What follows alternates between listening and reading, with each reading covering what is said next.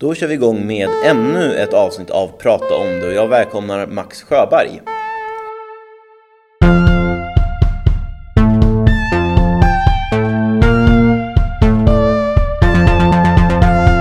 Hej hej! Max, du är eh, tidigare vice ordförande i LUF, pluggar juridik och eh, jobbar på UNTs ledarsida i sommar. Stämmer. Jag tänkte prata lite grann med dig om identitetspolitik. Det har ju blåst upp en debatt kring det här på sistone bland många i det liksom liberala spektrat. Och eh, vad det, vad, vad det har för effekter och vad det, vad det är för någonting. Eh, du ställde väl den frågan på Twitter häromdagen. Fick du några, kom du fram till någonting då? Ja, lite. Jag tror fortfarande inte riktigt jag kan... Jag vet vad identitetspolitik... är. Jag tror inte jag vet riktigt vad det är. Och jag fick väl ganska spridda och ganska, vad ska man säga, ganska vida beskrivningar av, av vad det är. Men de, de flesta verkar väl ändå vara med på att det handlar om att man kanske inte följer en, en ide- ideologi, liksom, utan att man mer ser till en, en, specifik, grupps, eh, ja, en specifik grupps intressen Mm. på olika sätt. Håller du med mig om det, Oskar? Ja, jag, jag, jag, den delen håller jag med om, absolut. Det, det gör man ju. Ehm, vi har väl haft flera olika positioner liksom i, den här, i den här striden om vad det är för någonting också. Um, så så att det tycker jag gör det himla, hela väldigt krångligt med. Och de som, oftast när jag har fått identitetspolitik beskrivet för mig så har jag ju fått det av folk som inte gillar identitetspolitik. Uh, Så då får man ju, då får man ju eh, kanske den, den minst smickrande versionen av det. Och medan de som nu har trätt fram och liksom försvarat identitetspolitiken ger ju en helt, en helt annan bild av, eh, av eh, vad det är. Liksom. Medan Eh, medan de, så, de som är mest sura på identitetspolitik säger att det är, är, nästan är så köns och raskrig så menar väl försvararna att det bara är ett sätt att belysa orättvisa och så ge marginaliserade grupper samma så liberala eh, rättigheter och friheter som, som alla andra. Så sanningen ligger väl någonstans, någonstans däremellan. Men då vet man ungefär eh, vad det är i alla fall. Ja, precis. Det, är ganska jobbigt liksom när själva ordet blir som en, en semantikstrid liksom. För att också sätta en verklighetsbeskrivning av, av vad det är. För, jag vet inte, jag, jag, jag brukar störa mig på sånt. Nej men absolut, det finns ju en slags... Eh, det, det var ju någon som skrev såg jag att det, eh, det var högerns form av nyliberalism. Alltså någonting som man bara klistrar på allt som man inte gillar. Liksom. Att det vänstern gör är identitetspolitik. Liksom. Eller de här nya kraven är... Alltså, och, att, och att man kan avfärda det liksom, per se. Men för Eh, många är det nog så. Alltså det, det finns ju naturligtvis så skarpa debattörer, vilket man även har sett när man har, eh, när man har följt debatten på ledarsidor. Så det finns ju folk som verkligen vet vad det är och som kan den historiska bakgrunden, som kan ha en väldigt hög debatt. Men bland folk i, i allmänhet så är det nog, håller jag nog med om den beskrivningen, att det är någonting som man klistrar på saker man inte gillar. Lite som att, jag har väl själv gjort mig skyldig att man kallar saker för postmoder, postmoderna eller postmodernistiska. När man tycker att det är bara så allmänt vänsterflummigt. Utan att egentligen veta så vad det är man, vad det är man säger.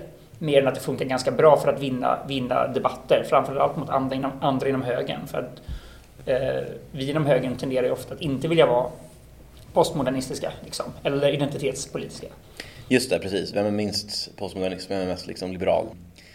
Ja, jag har varit lite orolig för det där själv. Liksom, att när jag har funderat på vad det är, att jag liksom måste låsa mig vid någon definition som eh, jag tycker är lite negativ.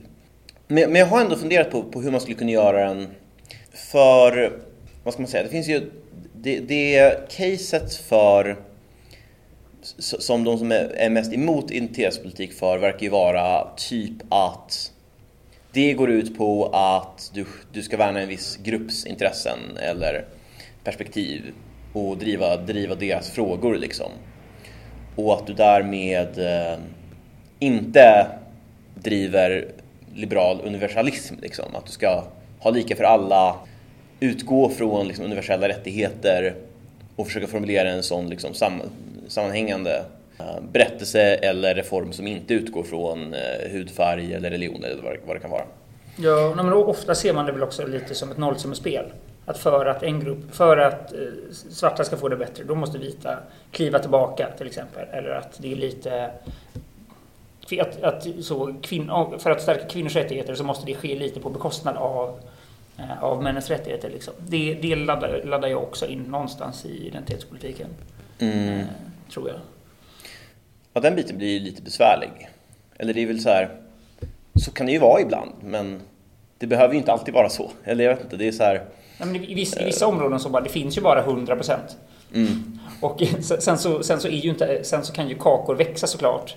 Eh, såklart också. Men om, om, om, man nu, om, om det nu är så att män har alla chefsposter och man tycker att så, det, så ska det inte vara, vi ska ha en högre andel kvinnliga chefer, då blir det ju en mindre andel manliga chefer. Eh, men så, sådan är ju också verkligheten.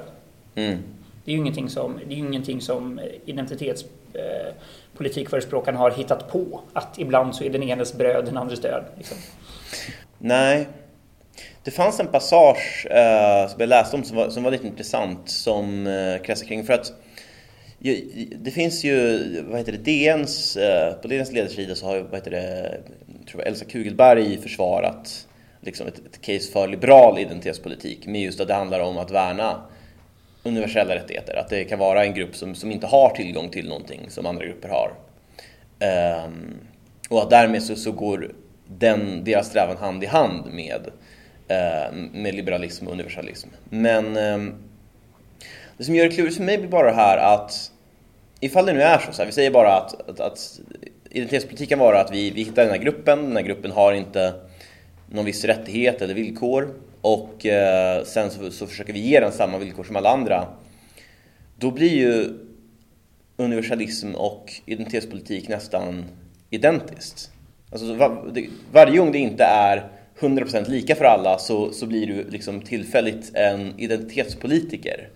Om, om det bara rakt av är det. Alltså, Ja, då blir, feminismen blir ju en identitetspolitisk rörelse eh, i så fall till exempel. Vi, vi har ju pratat lite om det, om det innan vi spelade in men ja, det, kan väl det kan ju ofta bli situationer i alla fall där liberaler och identitetspolitiker åtminstone har eh, samma, man har samma mål och man kanske till och med har samma medel i, i vissa frågor under vissa perioder. Sen kan man ju ha dem av, av olika skäl och att man kan ha en olika bakgrund till det här, så man har olika utgångspunkter liksom. Men när kvinnor inte fick rösta, då tyckte väl eh, liberaler att det var dåligt och så ville liberaler att kvinnor skulle få rösta. Och om man skulle ta en så strikt identitetspolitisk utgångspunkt och bara så, jag bryr mig bara om kvinnor, då skulle man ju också vilja att kvinnor skulle få, mm. skulle få rösta. Så då blir, då blir det väl kanske vilka intentioner man har som avgör huruvida man är, nu är väl inte identitetspolitiker ett ord riktigt, men jag mm. tycker att det får duga för idag. Mm.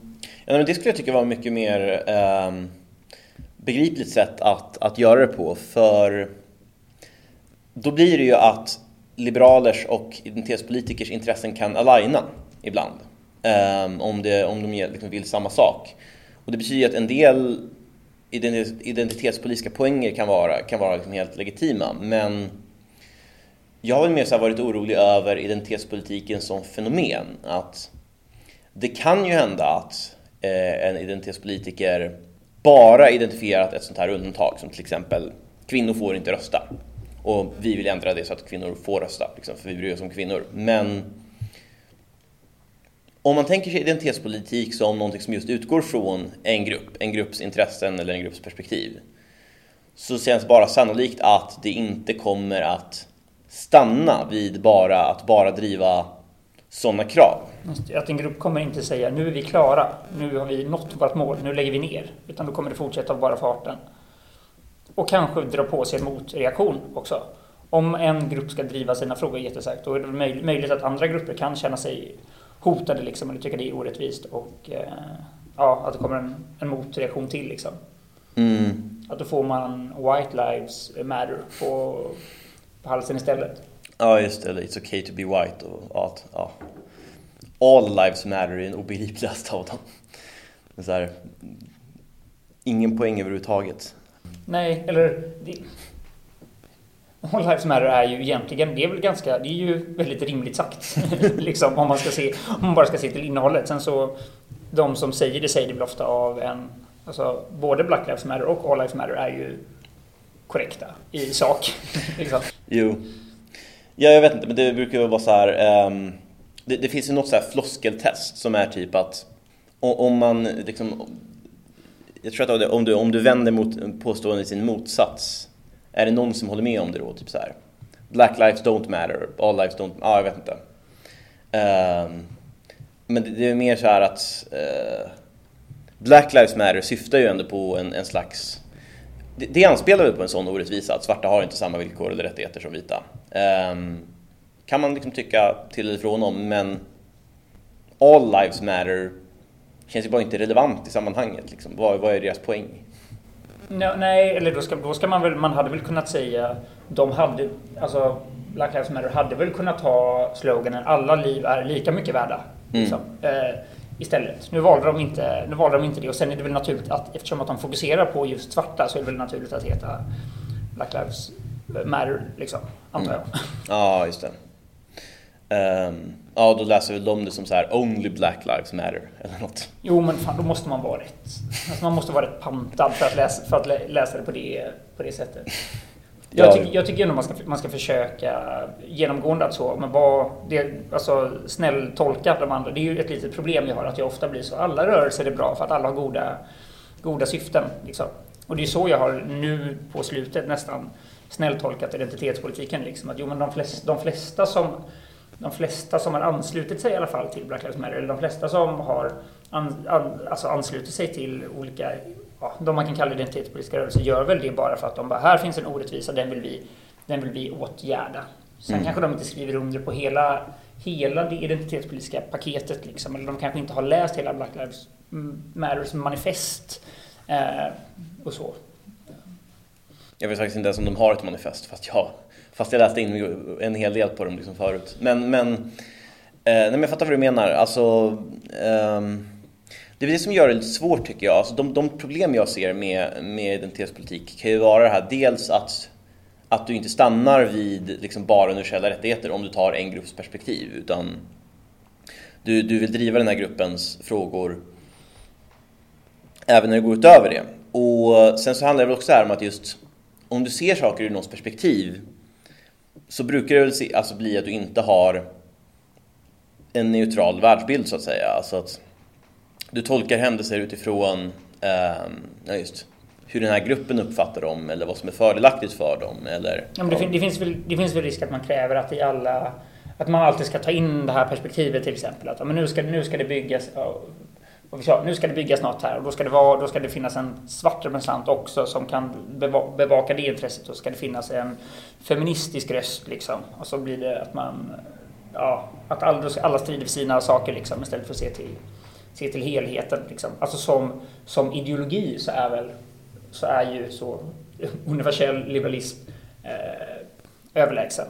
Liksom. Sen så behöv, finns det väl tillfällen där den som metod inte, så, där det inte räcker som metod, utan där det uppkommer orättvisor och så ändå. Liksom. Men åtminstone på, idé, på idéplanet så är det ju överlägset. Men så bara, jag gillar universella saker, lika för alla.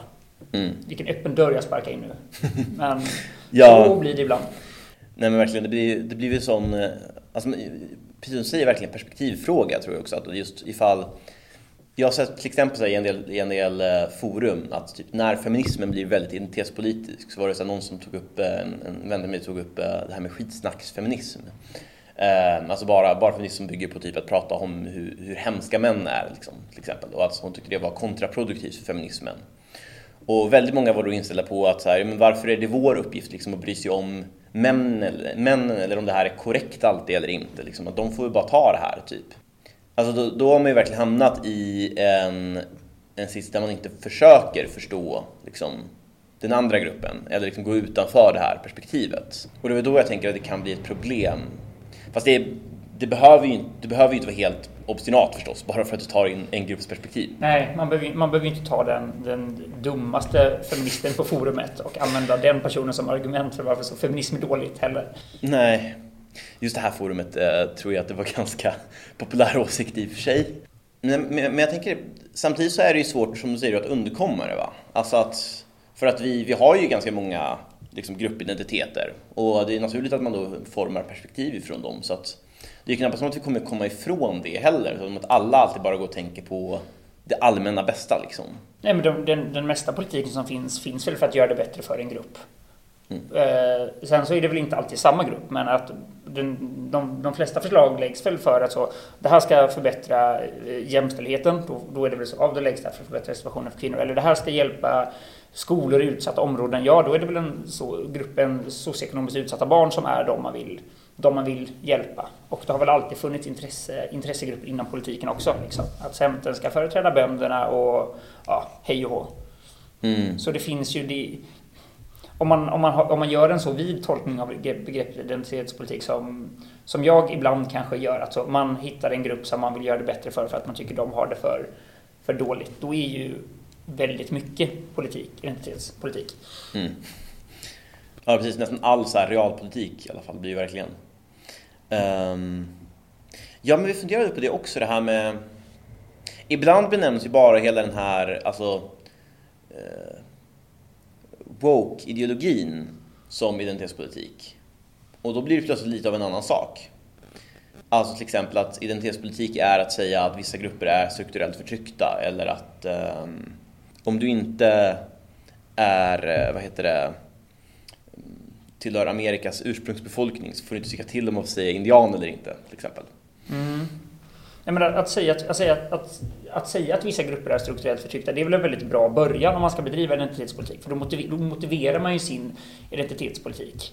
Det är, ju det är väldigt få som skulle säga jag driver jättemycket kvinnofrågor, men jag tycker inte kvinnor är förtryckta på något sätt. Jag driver det bara för att jag hejar på det kvinnliga könet. Alltså det, det är väl ofta så det är väl ofta så det börjar. Liksom.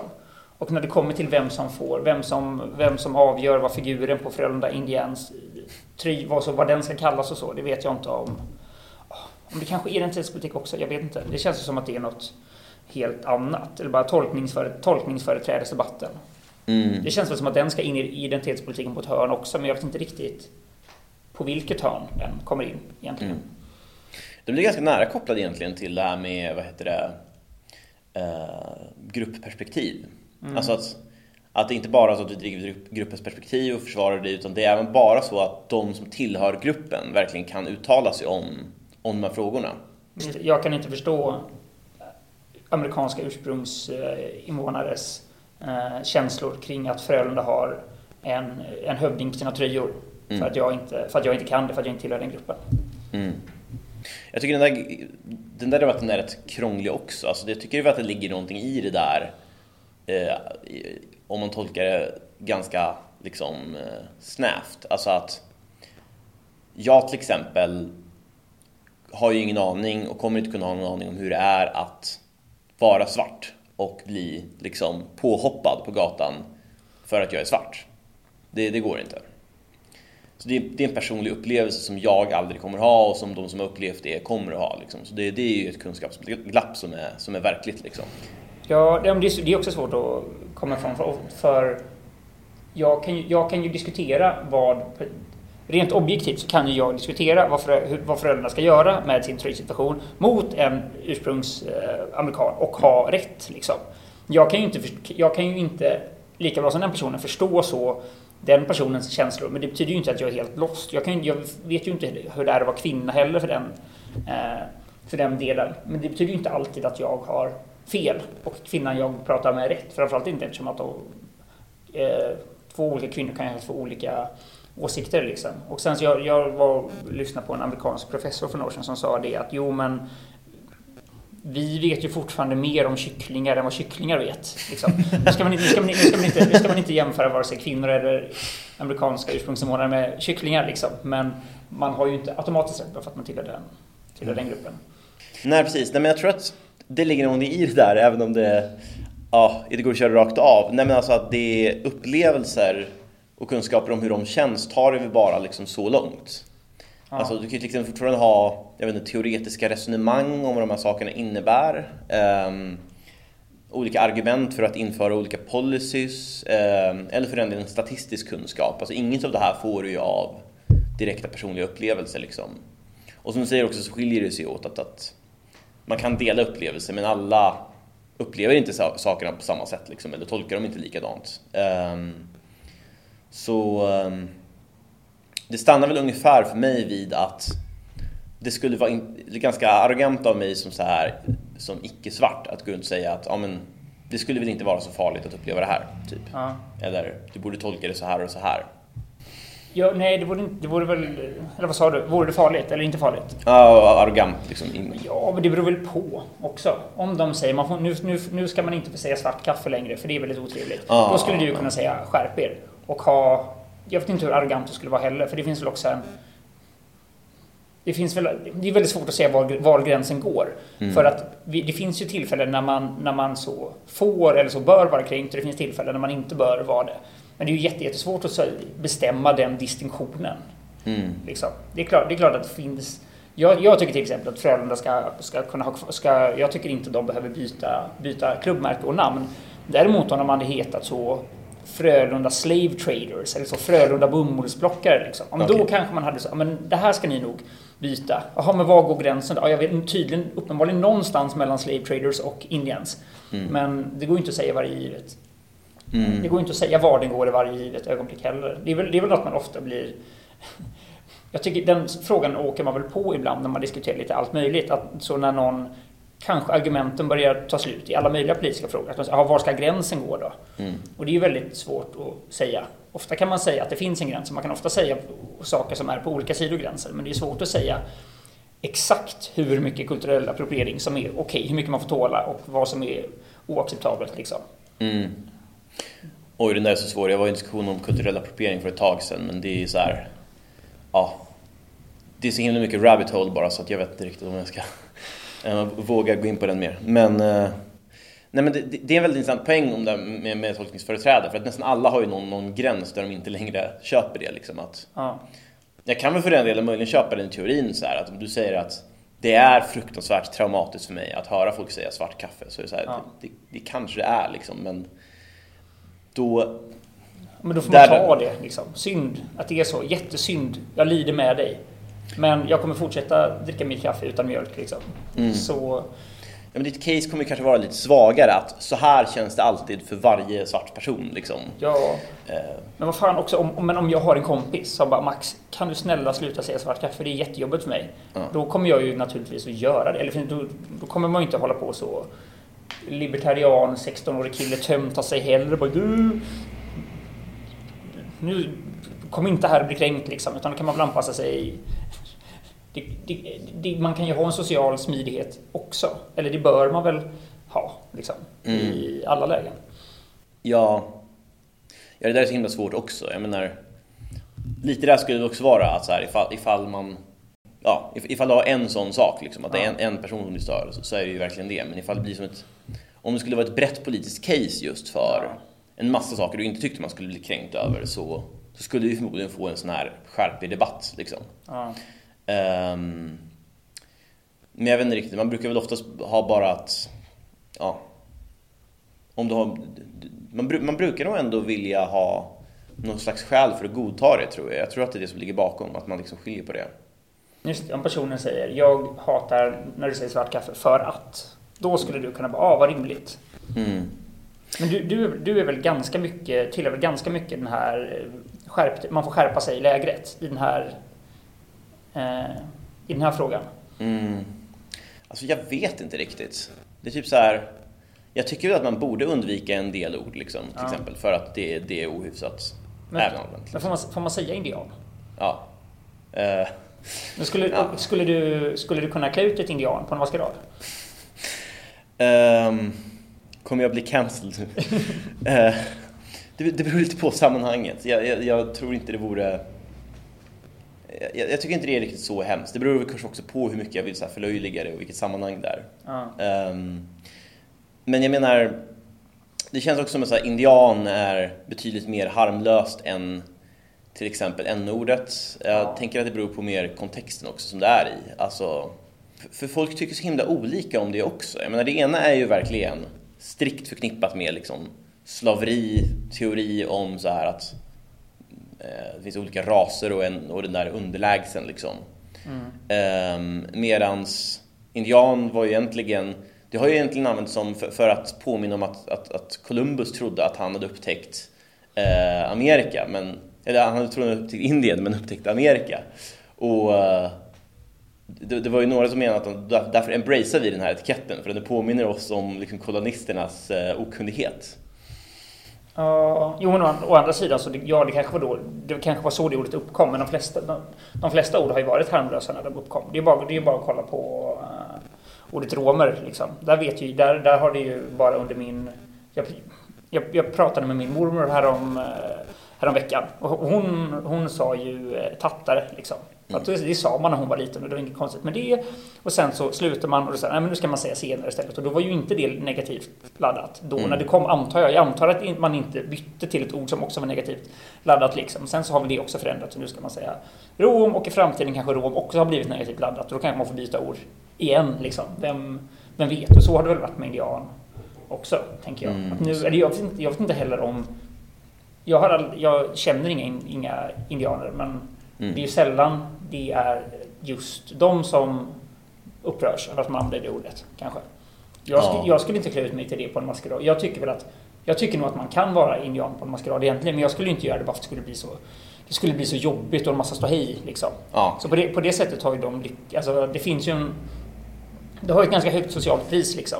Mm. Det, är väl, det är väl så som, som eh, det är väl så Hanif Bali tycker man ska behandla, eh, bemöta vissa, vissa eh, vad är det han kallar det? Ja, men vissa så uttryck av intolerans, liksom, att man ska straffa det socialt. Mm. Där har ju så woke-personerna vunnit.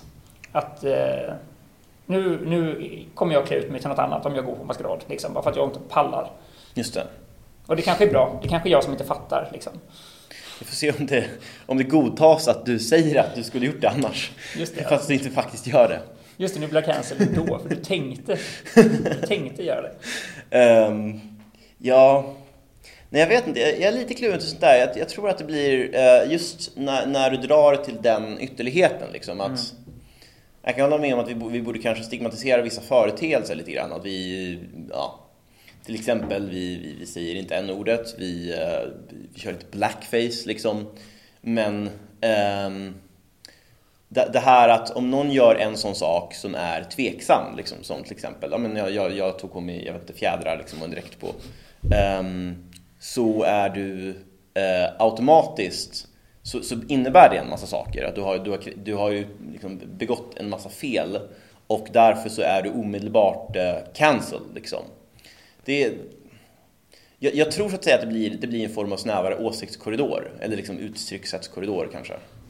Um, så att jag, jag tror att jag, skulle inte ha problem, jag har inte något problem med sig att man problematiserar användning av indian eller, eller sån, sån utklädnad utan mer liksom så hur, hur den politiska kampen tar sig uttrycket. Liksom. Vad, menar, vad menar du då? Nu tappade du mig. Jag menar just det att, att, att det inte är så att några bara säger Max, jag tycker inte du ska göra sådär, det där är oschysst. Utan liksom snarare, kolla, eh, sommarvikarie på UNT klär ut sig till ursprungsamerikan. Ja, jo men det är väl, det är väl hela, det är väl eh, internet de senaste åren liksom. Att man ska hänga ut istället för att säga till. Om, om jag skulle möta dig på väg till festen och du hade på dig fjäder, då kanske jag hade sagt Fan Oskar, ska du inte Ska du inte vara fotbollsspelare istället? Liksom. Mm. Jag hade ju inte smygfotat och ringt eh, Expressen. Men du hade, du hade ju kunnat, nu är väl inte vi Expressen-material kanske, men man hade ju mycket väl kunnat hamna på sociala medier och ganska många hade tyckt att man var en komplett idiot. Och det, det, det är bara att välja att inte... Det är ju ett pris jag inte orkar betala. Liksom. Mm. Ja, ja, precis. Nej, men, och det kanske inte alltid är något större problem heller. Liksom. Men det är ingenting som jag brinner för liksom, heller. Att, så här, min, min rätt liksom, att göra det. Men eh, det, det, det, är väl mer om jag tycker att om, om det blir allt fler sådana här regler och att man bara inte orkar liksom, problematisera dem så finns det risken att de går lite väl långt liksom, och att det blir lite Um, ja, bara tabu att, att, att ta upp vissa ämnen eller problematisera dem. Uh, det, det, den berömda åsiktskorridoren. Ja, enkelt. verkligen.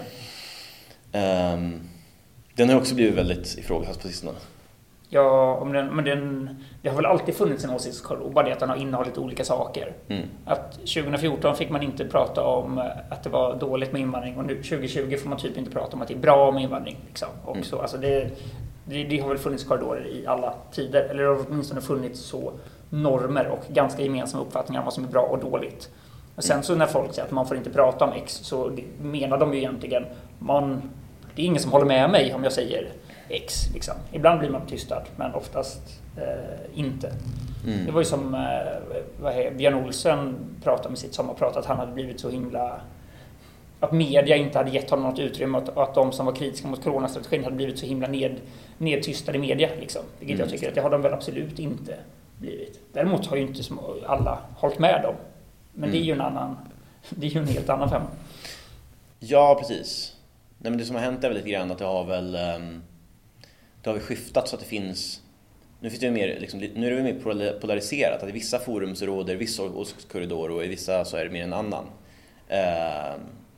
Det man menade förut egentligen var väl bara att den nuvarande åsiktskorridoren är för snäv och de åsikter som ryms i den eh, saknar många perspektiv som egentligen är ganska rimliga.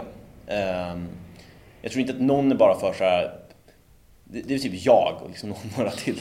Bara, bara, bara så här, ingen åsiktskorridor alls. Alltså så här, Lufs till exempel, kampanjen är väl bra ett exempel på det. Att, eh, ja, om, om man skulle ta bara att vi tycker det ska vara lagligt att ligga med, att ligga med djur var så här en kontroversiell idé. Och vi tycker liksom att ja, det, är, det är väl lite inskränkt att tycka det. Men om man bara skulle ta så här, ja, men det är väl ingenting konstigt med det överhuvudtaget. Så skulle nästan alla samhällen bara, ja men det där går utanför åsiktskorridoren. Ja. ja, men det gjorde det ju den här gången också.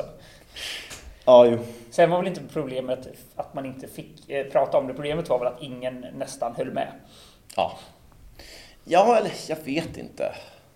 Jag tror inte det var så himla rationellt för de flesta. Alltså, de flesta jag har diskuterat det med, liksom lite längre tid, de har ju sen insett bara så här, aha, ja men jag kanske inte håller med, men det var inte en så himla sjuk åsikt i alla fall.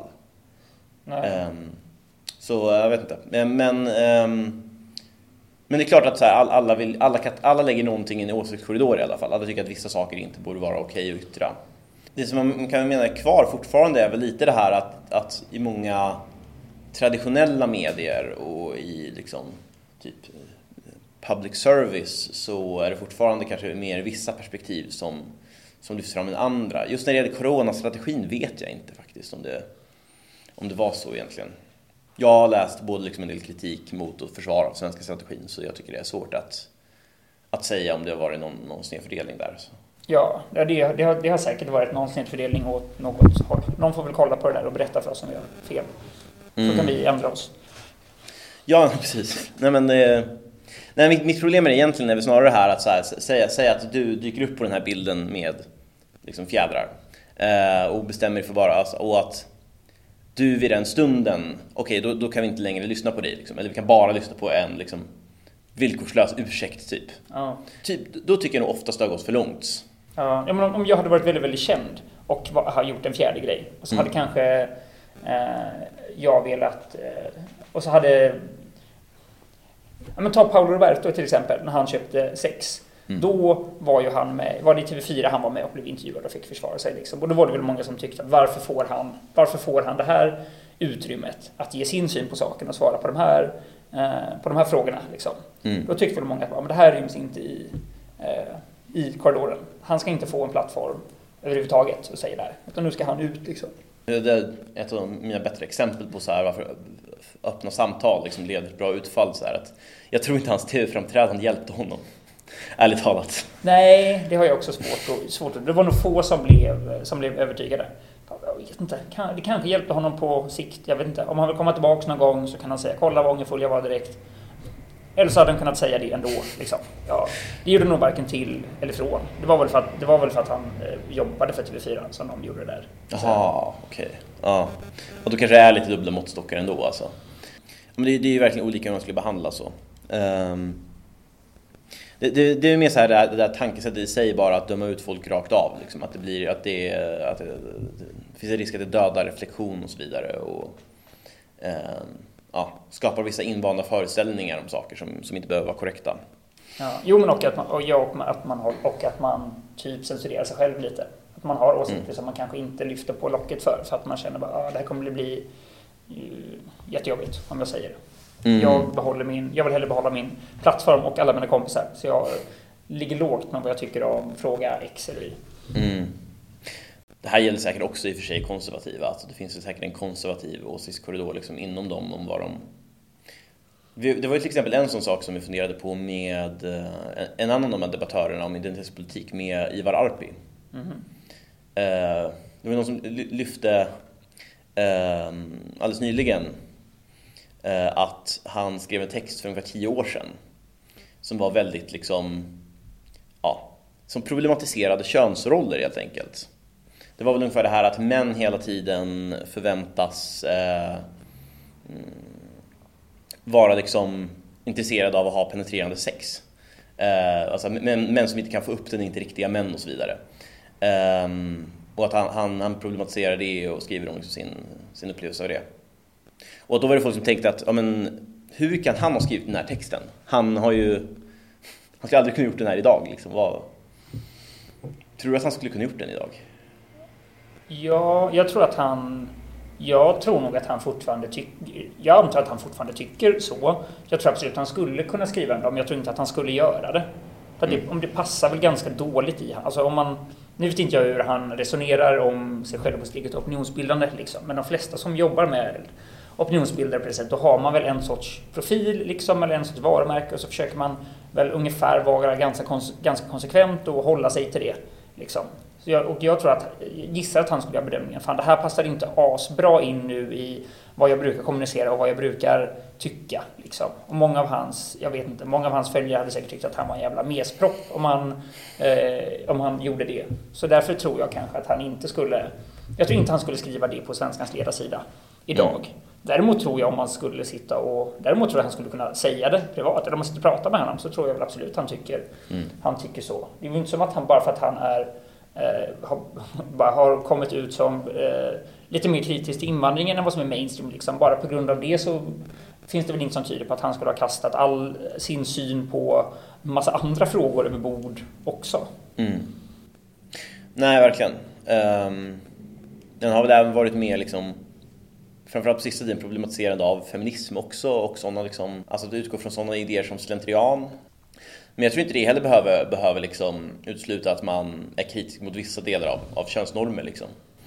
Ja, men må många personer som är, som, ska man säga, som anses som väldigt kontroversiella, när man väl läser deras texter så är de ofta inte så radikala. Mm. Det, är väl, det är väl mer det att om någon, om någon skriver tio texter där man kritiserar feminismen, sen så behöver ju inte den kritiken i sig vara galen. Jag, jag har inte läst så många av hans eh, texter överlag, liksom, men även om kritiken inte i sig är galen så blir det väl det att oj, nu har han kritiserat feminism tio gånger och så tänker man att det ska vara, ja, han är en stolle liksom. Men när man väl läser texterna så är väl de ofta, är väl de ofta ganska kärnfulla och ganska, ganska rimliga. Liksom. Och jag tycker typ det där gäller för, för de flesta debattörer och skribenter egentligen. Att vissa personer som man bara, han är ju helt galen liksom. Han har ju nästan brunskjorta på sig på jobbet. Mm. Så när man väl läser texterna så är väl de ofta ganska eh, balanserade och ganska underbyggda och ganska sakliga i, i nästan alla fall. Liksom.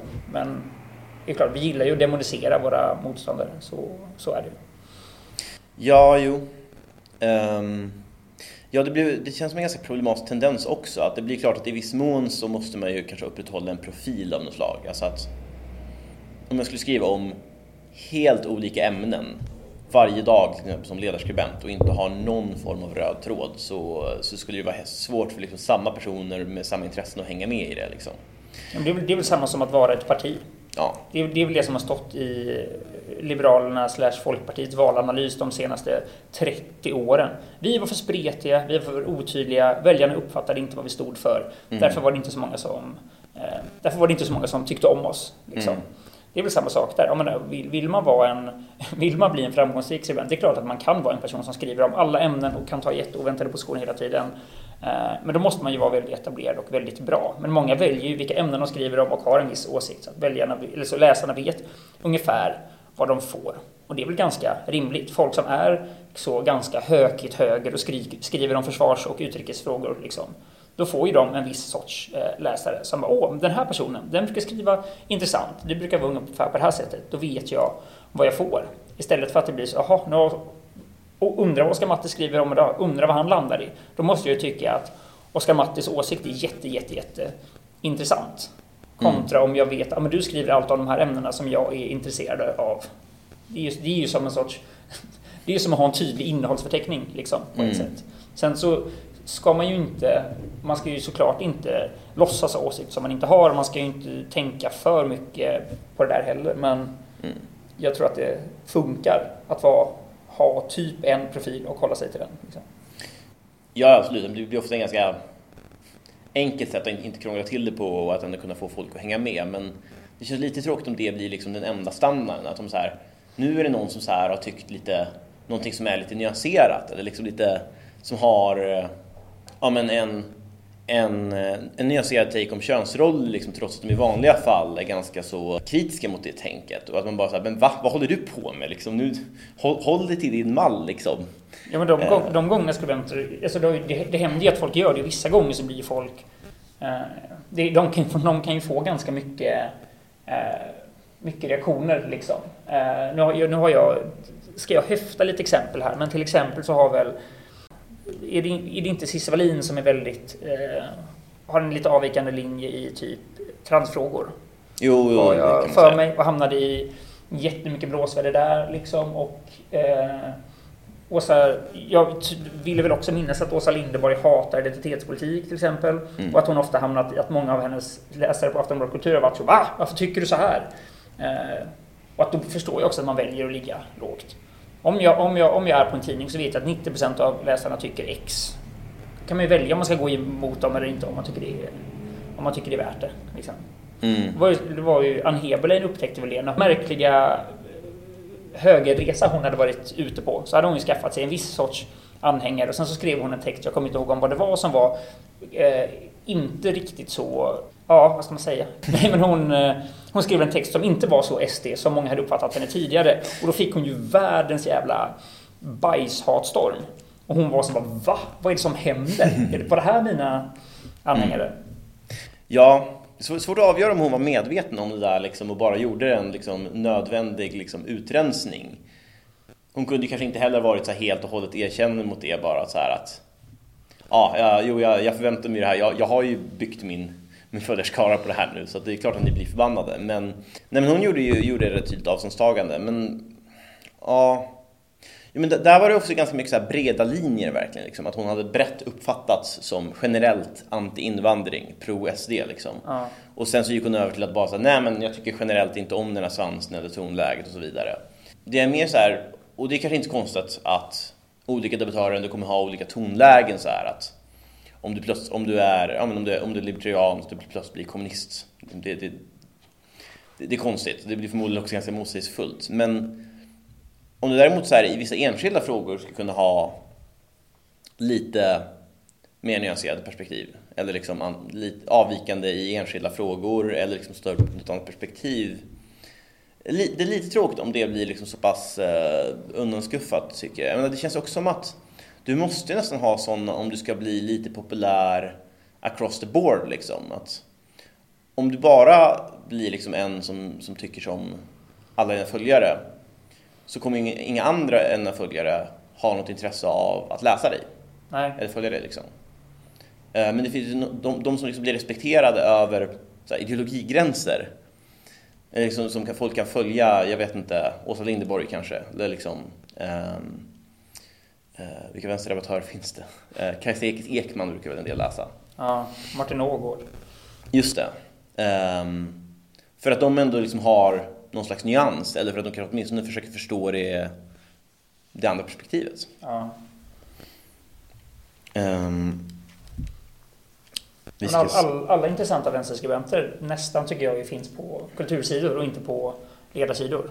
För att de är mycket mindre oförutsägbara. Liksom. Jag tycker att Aftonbladet Kultur är en av Sveriges bästa ledarsidor och jag tycker att Aftonbladet Ledarsida är Sveriges sämsta ledarsida. Liksom.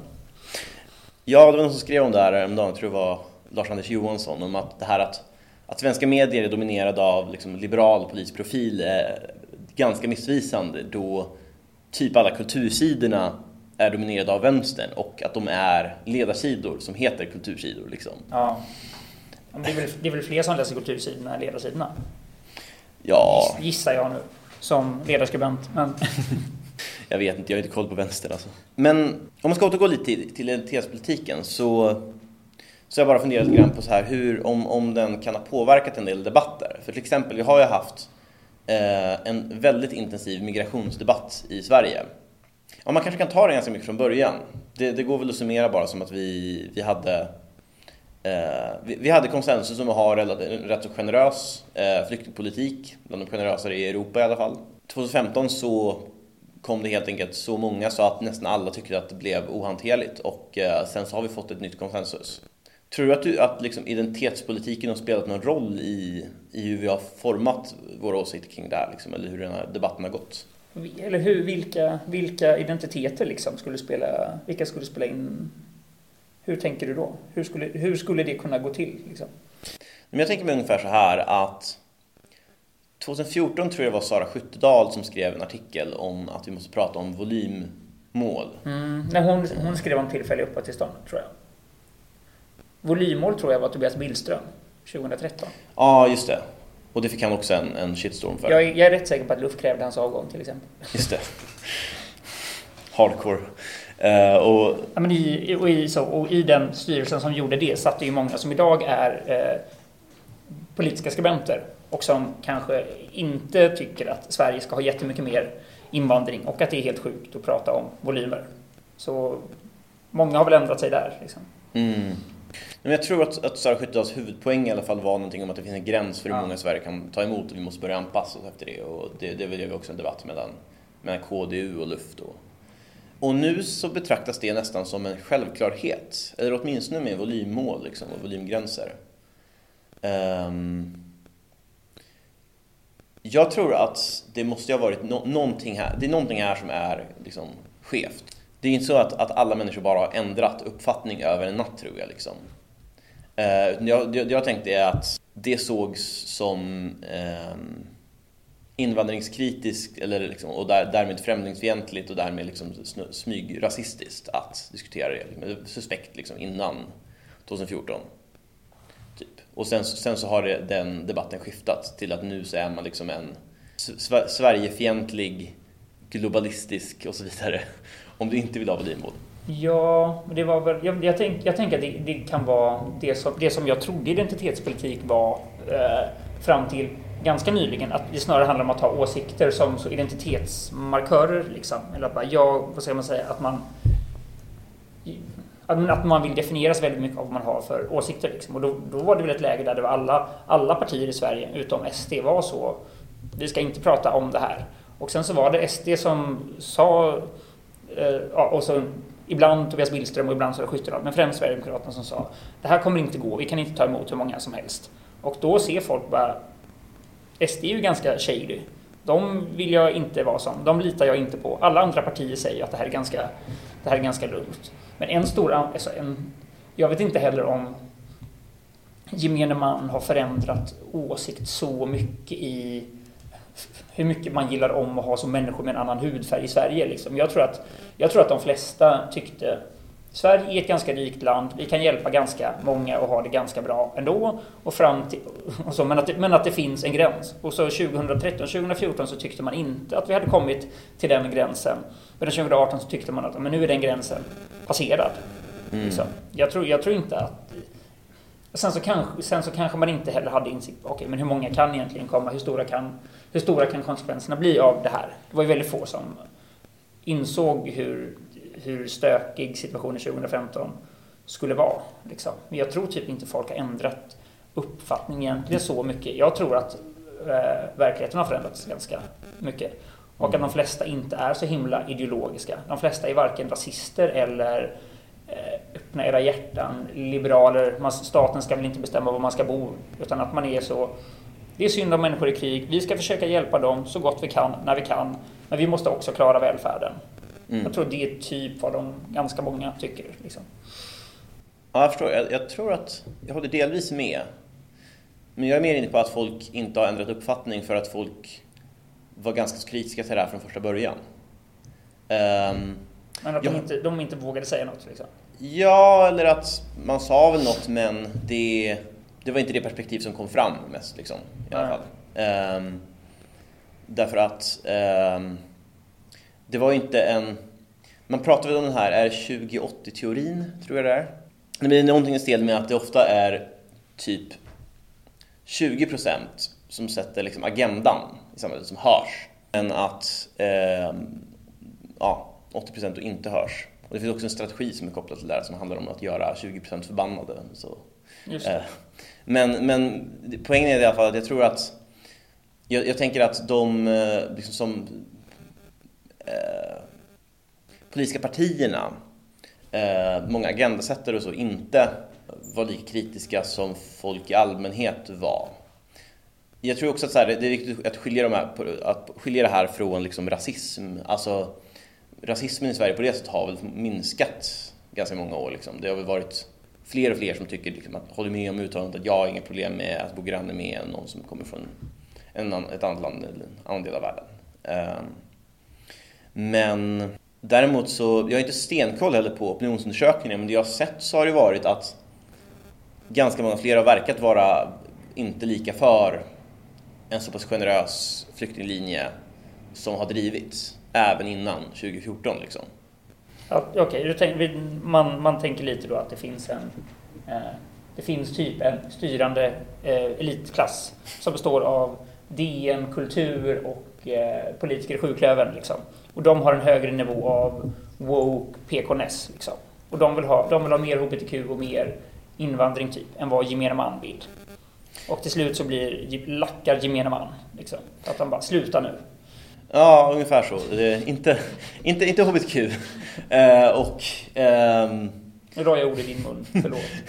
Men jag förstår vad du menar. Det, det var väldigt kul framing tycker jag. Um, när, precis, när, när PK-eliten styrde den så här. Um, det var väl inte heller liksom så här, det, det, det, går ju att nyansera här också. Alltså, typ Moderaterna och sossarna har ju aldrig varit superflyktingvänliga partier egentligen heller. Det var väl, båda de var ju med på det här Lucia-beslutet. Um, om det var på 90-talet då man, då man uh, kraftigt skärpte gränserna när det kom många flyktingar från Balkan. Liksom. Um, för att det, det har alltid varit realpolitiska partier. Ja. Som har, men, men, men liksom de flesta, alla allianspartierna liksom var ju med, med på det här tåget. Um, och uh, man gjorde en deal med Miljöpartiet. Moderaterna var väl egentligen, många moderater var väl kritiska mot det här redan då. Har man hört. Men de, de sa inte så mycket för att de inte ville orsaka problem. Liksom. Det jag tänker är att folk i allmänhet kunde ändå rösta alltså, på de här partierna för att de driver andra frågor som de håller med dem om, driver andra frågor som de tyckte var viktigare som de liksom håller med dem om. Och framförallt så här, SD är ju, även idag liksom, har ju ganska shady bild liksom. Man, man, man vill inte rösta in dem hur som helst. Men det som kanske förändrades var väl att, att frågans vikt liksom verkade skärpas och att även så bröt väl den här problematiseringen igenom i ganska många medier. Jag tror att det var 2014 som, som Tino Sanandaji hade sina debatter med Johan Norberg och Fredrik Segerfeldt och dem. Mm. Det var ju det här om flyktingpolitikens lönsamhet som, som kom upp. Och vad, vad, vem, sa, vem sa vad? Um, Tino sa det här är nog inte så lönsamt. Uh, Norberg Segerfeldt sa det är visst lönsamt. Ja, det är lite oklart också för att ja. båda anklagar förstås varandra för att missförstå varandra. Liksom. Just det. Som... Och vänstern anklagar dem för att hur kan ni ens prata om det här är lönsamt eller inte? För att det här är människoliv. Det handlar Så, och... om barn. Ja. Uh, ja. Nej men precis, typ så. Norberg och Segerfeldt var väl inne på att de hade en mer nyanserad tes än Tino beskrev. Det, det kanske stämmer, liksom, att de pratar om invandring generellt och så vidare. Men Tino menar väl i alla fall att nationalekonomisk konsensus var liksom att det här, det här kostar. Eh, och han hade väl de flesta eh, nationalekonomer på sin sida av vad jag såg. Alltså, det såg ut som att han vann den debatten. Liksom. Ja. Och sen såg det ut, mer och mer ut, tyckte jag, som att bli nytt konsensus. Liksom. Ja. Men grejen är att egentligen så var inte det här så himla eh, nya uppgifter 2013 eller 2014. Alltså det var nog ganska, ganska liknande lägen även tidigare och det finns ju debattörer som har tagit upp det tidigare. Typ så här, Thomas Gyr tror jag drev det typ från att liksom, jag vet inte, mitten på 1800-talet liksom. Det är också svårt att säga förstås varför de gör det. Men alltså, Sverigedemokraterna var ju emot flykting, flyktingar på 90-tatalet men det beror ju kanske inte bara på att de hade gjort en, en ekonomisk analys. Liksom. Nej. Jo, det, det, det skedde nog en förändring. Det är klart det skedde en förändring i debattklimatet också. Liksom. Eller folks, jag, tror, jag tror det var folks bild av hur, hur ser det ut i Sverige just nu, vilka problem har vi? Att den förändrades ganska mycket. Jag tror att man fram... Jag gissar att man, de flesta fram till 2013-2014 tyckte att det finns så här, det finns inte så mycket så stora problem kopplade till invandringen. Nu, eh, rätt eller fel, eh, tycker folk det i mycket större utsträckning. Folk är väl mer oroade liksom. Om man tänker mer på misslyckad integration liksom, och eh, kommuner som har underskott och allt det där. Och det är klart att när sådana materiella faktorer ändras så tydligt, då också då kan väl folk ompröva sin, ompröva sin uppfattning. Liksom. Mm. Då vore det ju konstigt att inte göra mm. Ja, just precis. Nej, men de, de effekterna är tydligare och tydligare. Alltså av misslyckad integration till exempel. Ja. Det är väl också en sån grej. Hur tror du att det kommer att utveckla sig eh, politiskt med det? Eller hur det kommer liksom realt utveckla sig i för sig heller, liksom, i själva situationen? Alltså migrationsfrågan? Ja. Eh, men vi kommer nog ha en... Eh, vad ska man säga? Ja, men vi, Sverige kommer nog inte, inte ha en så liberal flyktingpolitik på ganska, på ganska länge. Liksom. Det finns ju ingen, det finns ju ingen direkt jättestark opinion för det. Eh, och vad ska man säga, alltså det, läget är ju ansträngt. Kommunerna har ju, kommunerna har ju lite pengar. Arbetslösheten är relativt hög bland utrikesfödda liksom, och jag tror inte vi kommer komma tillbaka till hur det var innan 2015 heller. Ja, min, min gissning är att det kommer bli det som Moderaterna förespråkar på något sätt. Att det kommer bli typ ett kvotflyktingsystem på EU-nivå. Mm. Uh, asyl, asylrätten, är ju, asylrätten är ju en jättebra princip men så länge länderna inte vill ta emot flyktingar, så länge vi inte vill att människor ska komma hit och uh, söka asyl, då blir det lite så, men var, varför ska vi då ha asylrätten? Och vilka, vilka är det egentligen som ska försvara den. Liksom. Löfven säger ju fortfarande att så vi, vi ska värna asylrätten, det är jätteviktigt. Samtidigt så gör, gör ju han och hans regering allt de kan för att ingen ska komma hit och söka asyl. Mm. Liksom. Att vi fortsätter så hälla pengar på, på Turkiet för att de ska hålla gränsen liksom, och vi, har gränskontroller och vi har eh, det är ju det är så, det är förbjudet att resa till Sverige om man ska söka asyl. Du kan inte flyga, eh, allt det där. Så jag tror, jag tror att det där förr eller senare kommer att, jag tror att asylen kommer försvinna. Eller förändras kommer man väl säga. Liksom. Man kommer väl inte säga att man tar bort asylrätten, man kommer väl säga att man, att man förändrar det. Men mm. någonstans så bygger asylrätten på att länder vill ta emot. Eller den ska ju inte bygga på att länder vill ta emot. Det är ju det som är, ska, ska vara grejen med asylrätten, att det ska vara en rättighet. Att det inte ska vara mottagarländernas kapacitet eller vilja som styr utan så behovet att fly. Men, mm. men om vår lösning nu är att bygga en mur längs hela Turkiet och börja eh, att vända båtar och göra allt det där liksom. Då, är det, jag, då kan man fråga sig hur mycket asylrätt man har kvar egentligen. Mm. Jag, vet, jag vet inte hur mycket jag tycker att vi står upp för asylrätten just nu. Eh, just nu heller. Nej. Så det, det tror jag eh, kommer hända. Och om vi gör det så kanske, då kanske det å andra sidan kan bli lite generösare regler för de som kommer. Att man kanske kan få lättare till familjeåterförening och permanenta uppehållstillstånd och hela den, hela den biten. Liksom. Eh, mm. Och jag, är ju inte, jag tycker att Sverige ska hjälpa fler flyktingar än vad vi gör idag, men jag tror inte att det kommer bli så. Och jag tror att det, är också, det finns ingen riktig opinion för det, så det är väldigt svårt att driva den, eller den frågan som politiskt parti. Liksom. Det är väl mm. kanske att Miljöpartiet skulle göra det, men de kommer ju inte få som de vill ändå. Liksom. Att sossarna, vill, är, sossarna är ju livrädda för att den här bilden av att de fortsätter vika ner sig för Miljöpartiet hela tiden, att den fortsätter spridas liksom. Samtidigt som Ulf då är tuff och barsk. Just det. Um, ja, det är svårt att säga hur det ska bli här i Sverige också. Alltså med, för att så här, oavsett, även om vi skulle stänga gränsen idag, liksom helt, så har vi ju, jag vet inte hur många utanförskapsområden.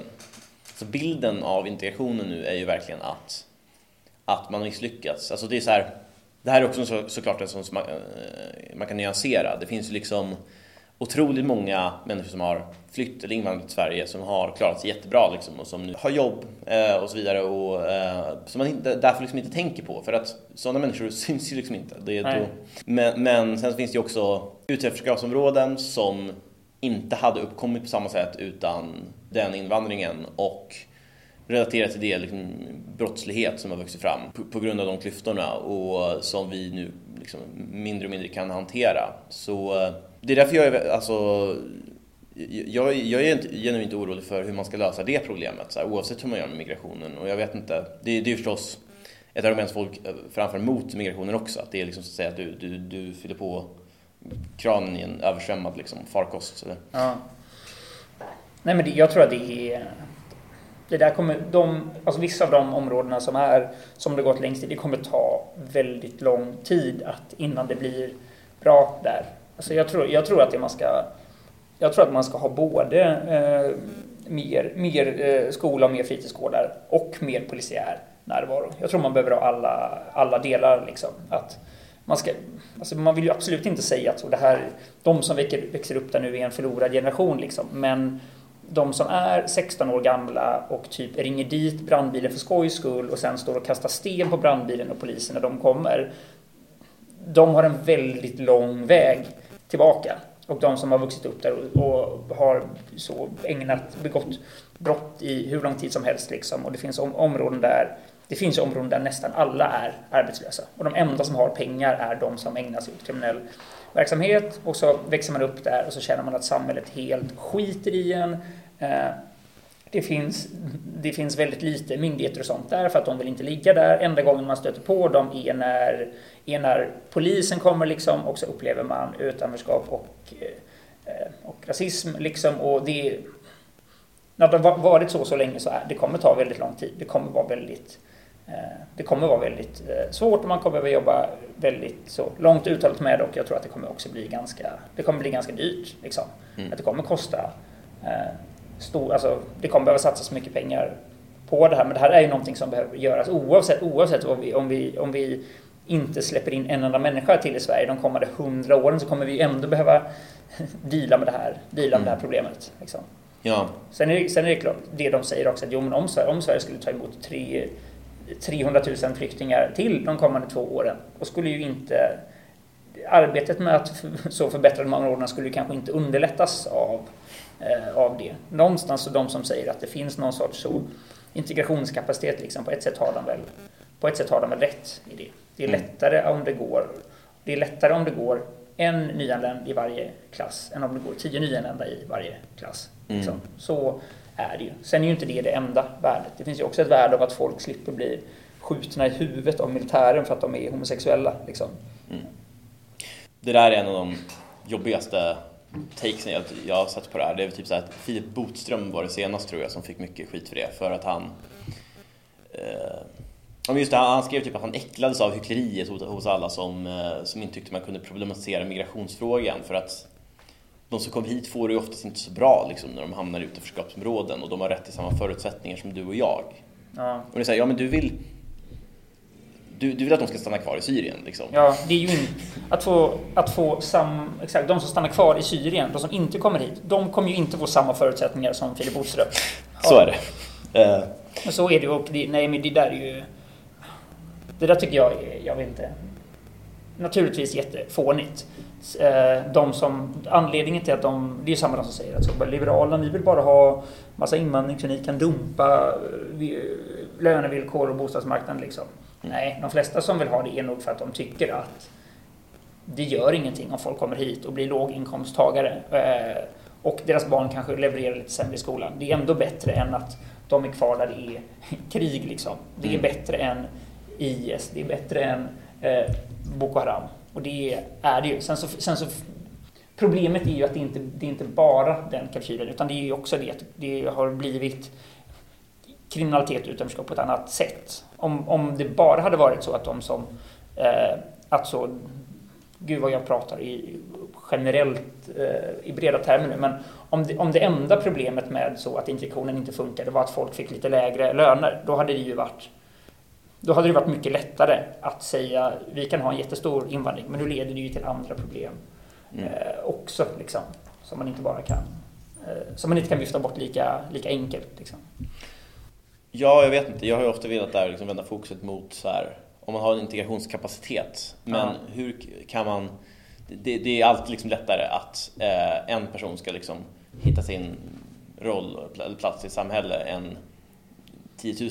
Men, mm men vilket typ av land man har och system man har gör ju också att det blir en skillnad på, på hur många det är som kan göra det. Jag tycker att det, det, i och för sig, det är väldigt lätt sätt att lösa det här problemet och bara säga att ja, men våra system klarar inte det här, ja men ändra på systemen då liksom. Ja, men, då tycker jag faktiskt det är en befogad fråga att säga liksom, hur, vill du, hur vill du göra det? Vilka, vilka saker ska vi ta bort? Liksom? Vad, vad kommer bli konsekvenserna av det? Men jag tror ändå så här att, att i generell, väldigt generella termer, alltså en, en, arbetslinje och en mycket mindre av en bidragslinje, alltså till och med liksom det som, som MUF föreslår, liksom, att du, du i början inte skulle ha tillträde till välfärdsstaten eh, utan får liksom använda dig av lån kanske eller motsvarande.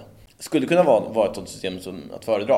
Alltså jag tror generellt att man kan ju problematisera inkomstklyftor hur mycket som helst men det är i regel inte folk som jobbar på riktiga jobb som, som, som ringer brandkåren och kastar sten på dem liksom, eller, eller börjar skjuta varandra i bilar. Liksom. Nej, men inkom, inkomstklyftor är ju inte ett... Alltså det, det, kan man väl tycka. Jag tycker absolut inte att det är inte ett problem om klyftorna ökar. Om det kommer hit människor som annars typ kanske ja, Många av de som kommer hit var väl kanske i och för sig inte fattiga. De flyr ofta inte från fattigdom utan de flyr från krig eller annat djävulskap. Liksom. Men om, om människor, många, många utrikesfödda kommer hit och får jobb som, som har lägre löner så tycker jag inte det är ett så stort problem heller. Den, som, den svenska eh, betongarbetaren som har, som har ett jobb någonstans kommer ju inte få sin lön sänkt av det heller. Liksom.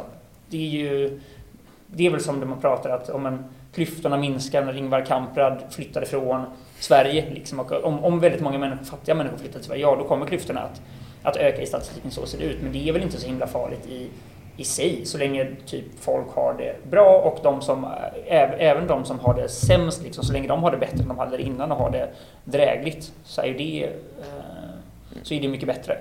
Mm. Jag har ganska svårt för men ja, det är ju fånigt att säga så. Ja, det, det, är klart att ju färre vi, människor som vi tar emot, ju mer pengar kan vi satsa på dem. Om vi bara skulle ta emot en flykting varje år, då skulle vi kunna ge den personen en, så, en lyxvilla och en Lamborghini. Liksom. Om vi bara skulle ha en elev i varje skola. Liksom. jo, men ja. det, det, är klart att det skulle kunna bli, att det skulle kunna bli så. De, mm. Filip Bodström och de andra har ju rätt i att de säger om vi tar emot mycket färre då kan vi ge dem mycket mer. Ja, det kan man. Mm. Men de flesta som flyr ber inte om så jävla mycket. Mm. Det kanske är som du säger om UFF, att ja, men då kanske det är bättre att de får vänta två år innan de får full tillgång till, jag vet inte vad det är för välfärd man ska kvalificera sig för, tandvård kanske, eller att man inte ska kunna ta ut en så lång föräldraförsäkring de första året eller några sådana saker. Det, är väl, det tycker väl nästan alla att det är bättre att de slipper dö, men att de får komma hit och så får de en kortare föräldraledighet. Liksom. Eller man borde ju tycka det i alla fall. Det är så himla härlig reflektion bara så här att, att, tycker ju folk, eller de, de, de, det är det enda rimliga i alla fall, varför gör de inte det? Um, ja, jag vet inte också så här, det är, det är också den kulturella frågan som, som gör, jag, jag tror att väldigt mycket skulle lösa sig bara, bara man fick, till, liksom, fick, fick, bort det här sysselsättningsglappet. Liksom. Ja.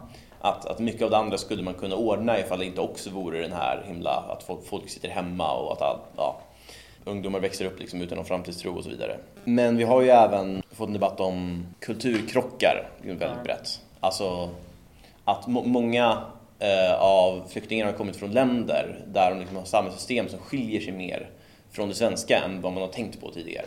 Ehm, det finns direkta liksom, klansamhällen, och också bara, bara där det finns mer traditionella värderingar som då kanske går stick i stäv med, eh, med, med uppfattningar här liksom, om jämställdhet och så vidare. Ja, men så... Jag ser det, men då är det ju... Det var väl som du sa, då är det, ju, det är väl inte så mycket en kulturkrock som en så värderingskrock. Liksom. Alltså sin kultur kan man väl få ha för sig själv, det spelar väl ingen, det spelar väl ingen, ingen större roll. Men det alltså jag... Enligt dem så, när man gör sådana globala um, och mäter typ folks värderingar, liksom, då sticker ju Sverige ut. Vi är typ det mest vad är det, vi är typ det mest sekulära och mest individualistiska landet i hela världen. Liksom. Jag tycker typ det är två bra värden. Det, det innebär ju också då att menar, folk i alla andra länder har så sämre värderingar än de svenska i snitt. Kommer det hit många människor från länder som har eh, andra värderingar, ja då är ju det, det kan ju bli ett problem. Ofta har de sämre värderingar eh, än vad så gemene svensk har. Och det är ju inte kanon liksom. Och det är väl något, något som man behöver Alltså det är ju klart att man ska försöka jobba med det och man ska försöka få, det är väl också som du säger, om, de, om man kommer hit och så får man ett jobb och ett sammanhang att gå till. Då kan man väl influeras av varandra. Å andra sidan, om man har 10, 000 människor i Saudiarabien som har aspissiga värderingar, aspissig kvinnosyn och sen så tar man dem till, eh, till Södertälje. Eh, då kommer de ju ha samma pissiga kvinnosyn där liksom. Men har någonting egentligen blivit sämre? Sverige har fått sämre stats. Men mm. det, är ju, det, är ju inte, det är inte värre att de, att de människorna som har dåliga värderingar har det här än att de har det där. Kanske. Mm. Ja, det där blir väldigt, väldigt svårt. Jag är ganska principfast så jag håller i, i, i viss mån med dig, men ja, skulle sådana värderingar breda ut sig liksom mer och mer, ja. bli vanligare och vanligare, så skulle jag också se ett problem i det. Även om jag inte vet att det bara skulle lösningen vara att stänga ja. gränsen. Liksom. Så, ja, det, är, det är väl klart att typ hedersförtryck är ett problem. Liksom. Det, är ju, mm. det, är, det är ju svårt att komma ifrån, men det är ju, det är ju ett problem på båda. Även om det inte skulle ske här så skulle det vara, mm. det vara ett problem ändå. Liksom, såklart. Ja, sen, tyck, sen tycker vi det, hem, det är mycket mer hemskt när en, svensk, äh, en, så, en flicka i Sverige blir utsatt för hedersförtryck än när en flicka blir det i, någonstans långt bort. Såklart, mm. för det är, så vi, det är så vi funkar. Ja, jag tänker mer det här att ifall, ifall det är människor som kommer hit um, Alltså, alltså, I vissa länder så är det ju mycket vanligare, så, så skiljer sig värderingar rejält. Liksom, att om du kommer till saker, typ så här, frågor om, om staten ska vara sekulär, om, om homosexualitet ska vara lagligt eller accepterat eh, och så vidare. Och många av dem gäller ju frågor som påverkar samhället som helhet. Och inte bara liksom, ja, deras familjer eller liksom individer i den gruppen. Um, så det skulle i sådana fall få effekter på, på resten av samhället också. Um, alltså ifall du skulle till exempel ha en, en stor grupp um, som inte känner sig att, att de behöver följa samma liksom, lagar mm. eller liksom, värderingar som, som är i resten. Mm. jag vet inte heller vad jag tycker ska vara specifik lösning, men jag, jag ser bara att här det kan bli fler problem så att säga än bara att du har flyttat hit. Ja, okej. Okay. Jo, det är sant. Du, tänk, du tänker att det kommer hit en... Gud vad jag... Vad jag eh, Islamiseringen. Gud vad jag, vad jag borde äh, vårda mitt språk bättre än vad jag gör just nu. Men om, just det, du tänker att det kommer hit en stor grupp människor som tycker att eh, vårt sätt att leva är dåligt. Vi behöver inte följa lagar och regler. Och så blir hela, hela samhället så eh, mm. ja, otryggt liksom, eller satt ur balans av mm. det. Ja, vi har ju till ja. exempel där klandebatten och då är det ju det att, att det i många länder så har en, en, en svag eller ofullständig stat. Så att ja. då, då skiter man traditionellt rättvisa i informella liksom, ja. grupper istället. Men det är, ju, det är ju inte toppen kanske. Nej, och ja. Det mest, mest, min, min största svårighet kommer till att, att um, att vara väldigt kritisk liksom mot eh, andra kulturer eller, eh, eller invandrare blir eh, att, att det oftast ett likhetstecken mellan det och, eh, och rasism. Mm. Att det, det, det, är oftast en så pass vid definition av det. Och att, liksom, att typ, diskutera, för att jag, jag tror att sådana här problem kommer ju vara ödesproblem liksom, ifall du ska kunna få till en, en fungerande integration eller liksom en samexistens som går. Men att, att lyfta sådana problem är ju snarare viktig sak att göra liksom, och det ja. behöver ju absolut inte vara en sån indikation. Så, så jag, jag har sett lite grann att identitetspolitik skulle kunna vara ansvarigt för, för den sammanblandningen. Liksom. Hur, på vilket, hur då? Nej, för att det, det tolkas som att man angriper utsatta grupper. Liksom. Ja. Man kritiserar, man, man säger bara de här aspekterna av det här är dåligt. Och så uppfattas man som att man svartmålar en hel grupp. Ja, alltså vår ja. kultur är bättre än deras kultur. Sluta svartmåla förorten. Ja, typ. exakt. Ja. Ja, du, eller du säger det här för att du, du hatar invandrare liksom, ja. och det här är din förevändning. Liksom. Man vet ju vad du tycker egentligen. Ja, ja det, är, det är klart att det finns de som gör det också. Liksom. Jo. jo, nej det är så. Eh, så är det ju. Eh, och jag har inte, jag har inte heller någon sån, någon så, något sånt Alexanderhugg liksom för att, eh, för att lösa upp de här knutarna heller. Det är, det är, som det är jättesvårt att veta hur, hur man ska eh, hantera det. Liksom. På, mm. no, på något sätt så, så handlar det om att Alltså det, är också, det är så lätt att säga att så bara, men alla som kommer hit, alla, alla, som kommer hit, alla som flyr hit också och vill bli en del, bli svenska medborgare, en del av samhället. Jo, men de ska få en utbildning i hur man lever i Sverige. Mm. Det är ju inte säkert att man kommer hålla med om det. Alltså, man kan ju gå sina man kan ju gå sina timmar där mm. och sen så strunta det. Liksom.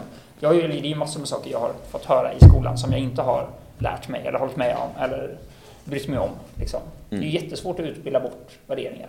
Mm. Ja, det tror jag verkligen är omöjligt. Men värderingar är väl lite som...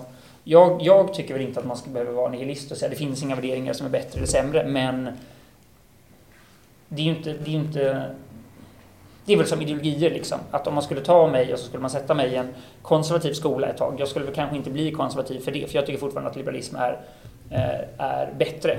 Och på samma sätt så bara om någon kommer med en annan sorts värderingar så kan man säga de här värderingarna har vi i Sverige, vi tycker de här är bra och då kan, då kan ju den personen säga Tack för informationen. Jag väljer att behålla eh, de värderingarna jag är uppvuxen med och har i min kultur, för de tycker jag är eh, bra. Mm. Eh. Ja, precis. Nej men... Det, det, det ta, ta, ta en sån sak som att vi, vi tycker så. Bara, staten, man, det ska finnas starka myndigheter. Man ska absolut inte ha ett, eh, man ska absolut inte ha ett klansamhälle. Det ska vara objektivt. Man ska gå till domstol, hej och liksom. Det finns ju en jag, jag stötte på det när jag läste rättshistoria för ett tag sedan, alltså den gamla så österländska rättstraditionen. liksom. Då handlar, det är ju, den är ju typ motsatsen till den västerländska på många sätt. Att då ska man absolut inte, då ska man så vara, man ska vara en så lugn och sansad och värdig person. Om man har en konflikt då ska man samtala om den. Om du och jag blir ovänner då ska vi inte så gå till domstolen och bråka som så ociviliserade människor. Då ska vi gå till den, den visaste personen i byn. Så ska vi prata och sen så ska vi hitta en samförståndslösning och så ta varandra i hand och så är, är löser vi det på det sättet istället. Liksom. Och man ska inte ställa till stora scener och hålla på och stämma varandra till höger och vänster. Och i den västerländska så gör man ju helt tvärtom. Då ska man gå och mm. argumentera framför så en domstol med opartiska lärda domare och sen ska den säga du har rätt, du har fel, den här principen segrar. Medan den österländska sättet att se är mer det, spelar, det viktigaste är inte att ha en princip som gäller, det viktigaste är att ha ett utfall som blir bra i samhället och i byn. Liksom. Mm. Och då kanske man det finns ju inte så mycket som säger att det här är bättre eller det här är sämre. Det är bara man gör på olika sätt på olika platser. Och då mm. skulle man kunna ta hit en 1700-tals kines. Då skulle man kunna säga så här löser vi konflikter i vårt land. Det här är vårt rättssystem. Och då skulle den personen säga Jaha, jag tycker ändå det är dåligt. Och sen skulle man ha kvar sina, sitt synsätt. Liksom. Och lite så är det ju med värderingar också. Även om jag tycker att det finns värderingar som är bättre och sämre. Liksom. Ja, jo. Ja, men så individens frihet. Snark, tycker väl många. Mm. Även i Sverige. Liksom. Precis. Vi har inte ens majoritet här liksom. Nej, varför... men jag kommer ofta på mig när jag pratar med människor som kanske själva inte är liberaler, att jag använder så liberala argument. Och då är de bara, men Max, jag... det här med individens frihet, det är ju bra, men jag tycker det är viktigare att det bara blir ett gott och snällt samhälle. Liksom. Ja. Jag tror så här, vi, vi har ju ändå här, ganska frihetliga värderingar. När det, ja. alltså, om man jämför med vissa saker. Som, jag, jag tror till exempel det går en ganska knivskarp gräns vid... Jag tror att alla är för ett visst mått av assimilation ändå.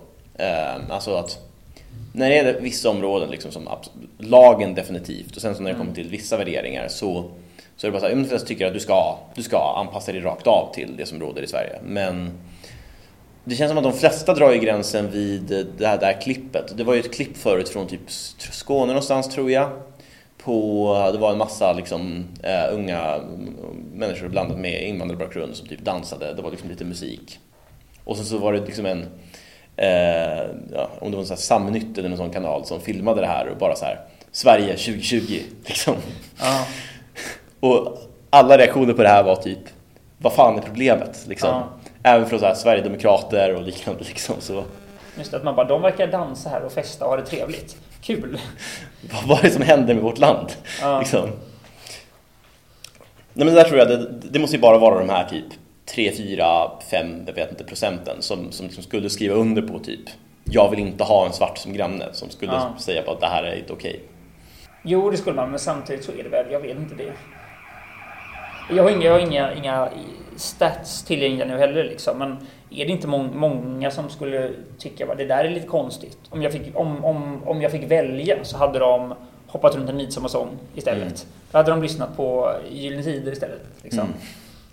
Du, du menar så här Jimmy Moment-problematik ungefär? Alltså ja. Den här mataffären, fan vad den är konstig, jag vill inte handla här. Ja, men ja, ja, många tycker man, man, man gillar väl mer det man känner igen än det man inte känner igen. Mm. För det mesta. Eller jag, jag försöker ju att inte vara så, men det är väl, det är väl ganska mänskligt liksom. Ja. Att föredra sin egen kultur och saker man är van vid framför saker som man inte är van vid. Liksom. Mm.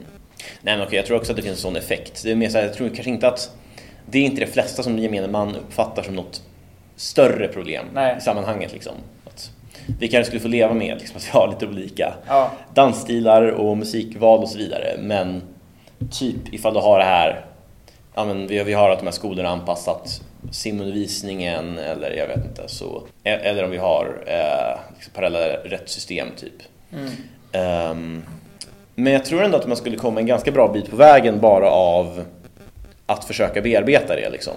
Det har väl väldigt länge inte funnits någon tydlig sån kulturell förväntan liksom. Så att ifall vi tänker att vi ska ha liksom en arbetslinje liksom, att vi, vi gör det betydligt, om man, om man ska göra det betydligt svårare att försörja sig på bidrag och betydligt lättare att försörja sig på, på jobb liksom som, som kan vara lägre lön för Ja. de som inte ägnar alls in på arbetsmarknaden. Eh, de flesta är sysselsatta. Vi skulle ha polis som, som fungerar liksom, vi knäcker liksom de, de värsta gängen och gör så att affärer liksom kan etablera sig så borde det väl inte vara oöverkomligt med ett sånt kulturellt problem heller, känns det som. Alltså att få att lösa ut mycket av de problem som finns.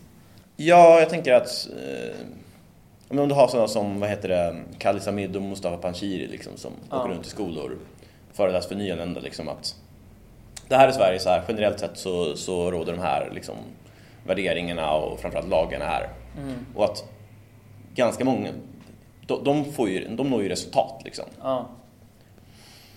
Mm. Det, var det, det känns inte som så lika mycket av en uppförsbacke om vi inte skulle ha alla de här andra problemen också samtidigt. Liksom. Nej, men så eh, är det väl. Alltså för de... Vad ska man säga?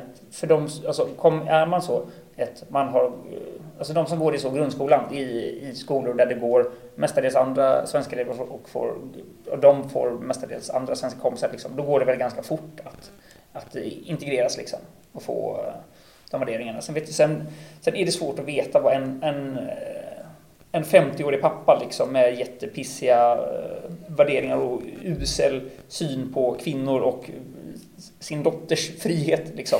Det kan nog vara svårare. Liksom. Men det är klart att det är, man kan nog minska det där ganska mycket. Och genom att göra det, bara det så minskar ju också toleransen för att det ska vara så. Att alla andra på gatan kanske tycker att den, man är en jävla idiot för att man begränsar sin dotters frihet. Medan jag vet inte. Idag känner, av vad man läser i media i alla fall, så verkar det finnas områden där det inte får så höga sociala konsekvenser. Mm. Att, att ha den sorts värderingar. Mm. Så. Ja, precis. Nej, men tidigare har det varit som man inte ens sett problemet, liksom. eller att det har varit nästan stigmatiserat att, att påstå att det är ett problem. Liksom. Ja. Eh, Jo, för då, för då säger man, nu säger du att alla muslimer är så här. Det är Mm. inte alla muslimer. Ja, precis. Ja. Så bara det är ett stort steg framåt. Men frågan är ju så här ändå sen att ehm, jag tycker man har pinpointat ganska många bra idéer på hur, liksom hur man skulle kunna göra, typ vilka reformer, liksom vilken inriktning som man skulle kunna ha för att, för att lösa det. Liksom. Eh, Göra det bästa av situationen i alla fall.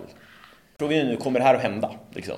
Det är... Ja, men vissa, vissa saker kommer nog, kommer nog hända. Andra inte. Liksom. Jag tror väl att så...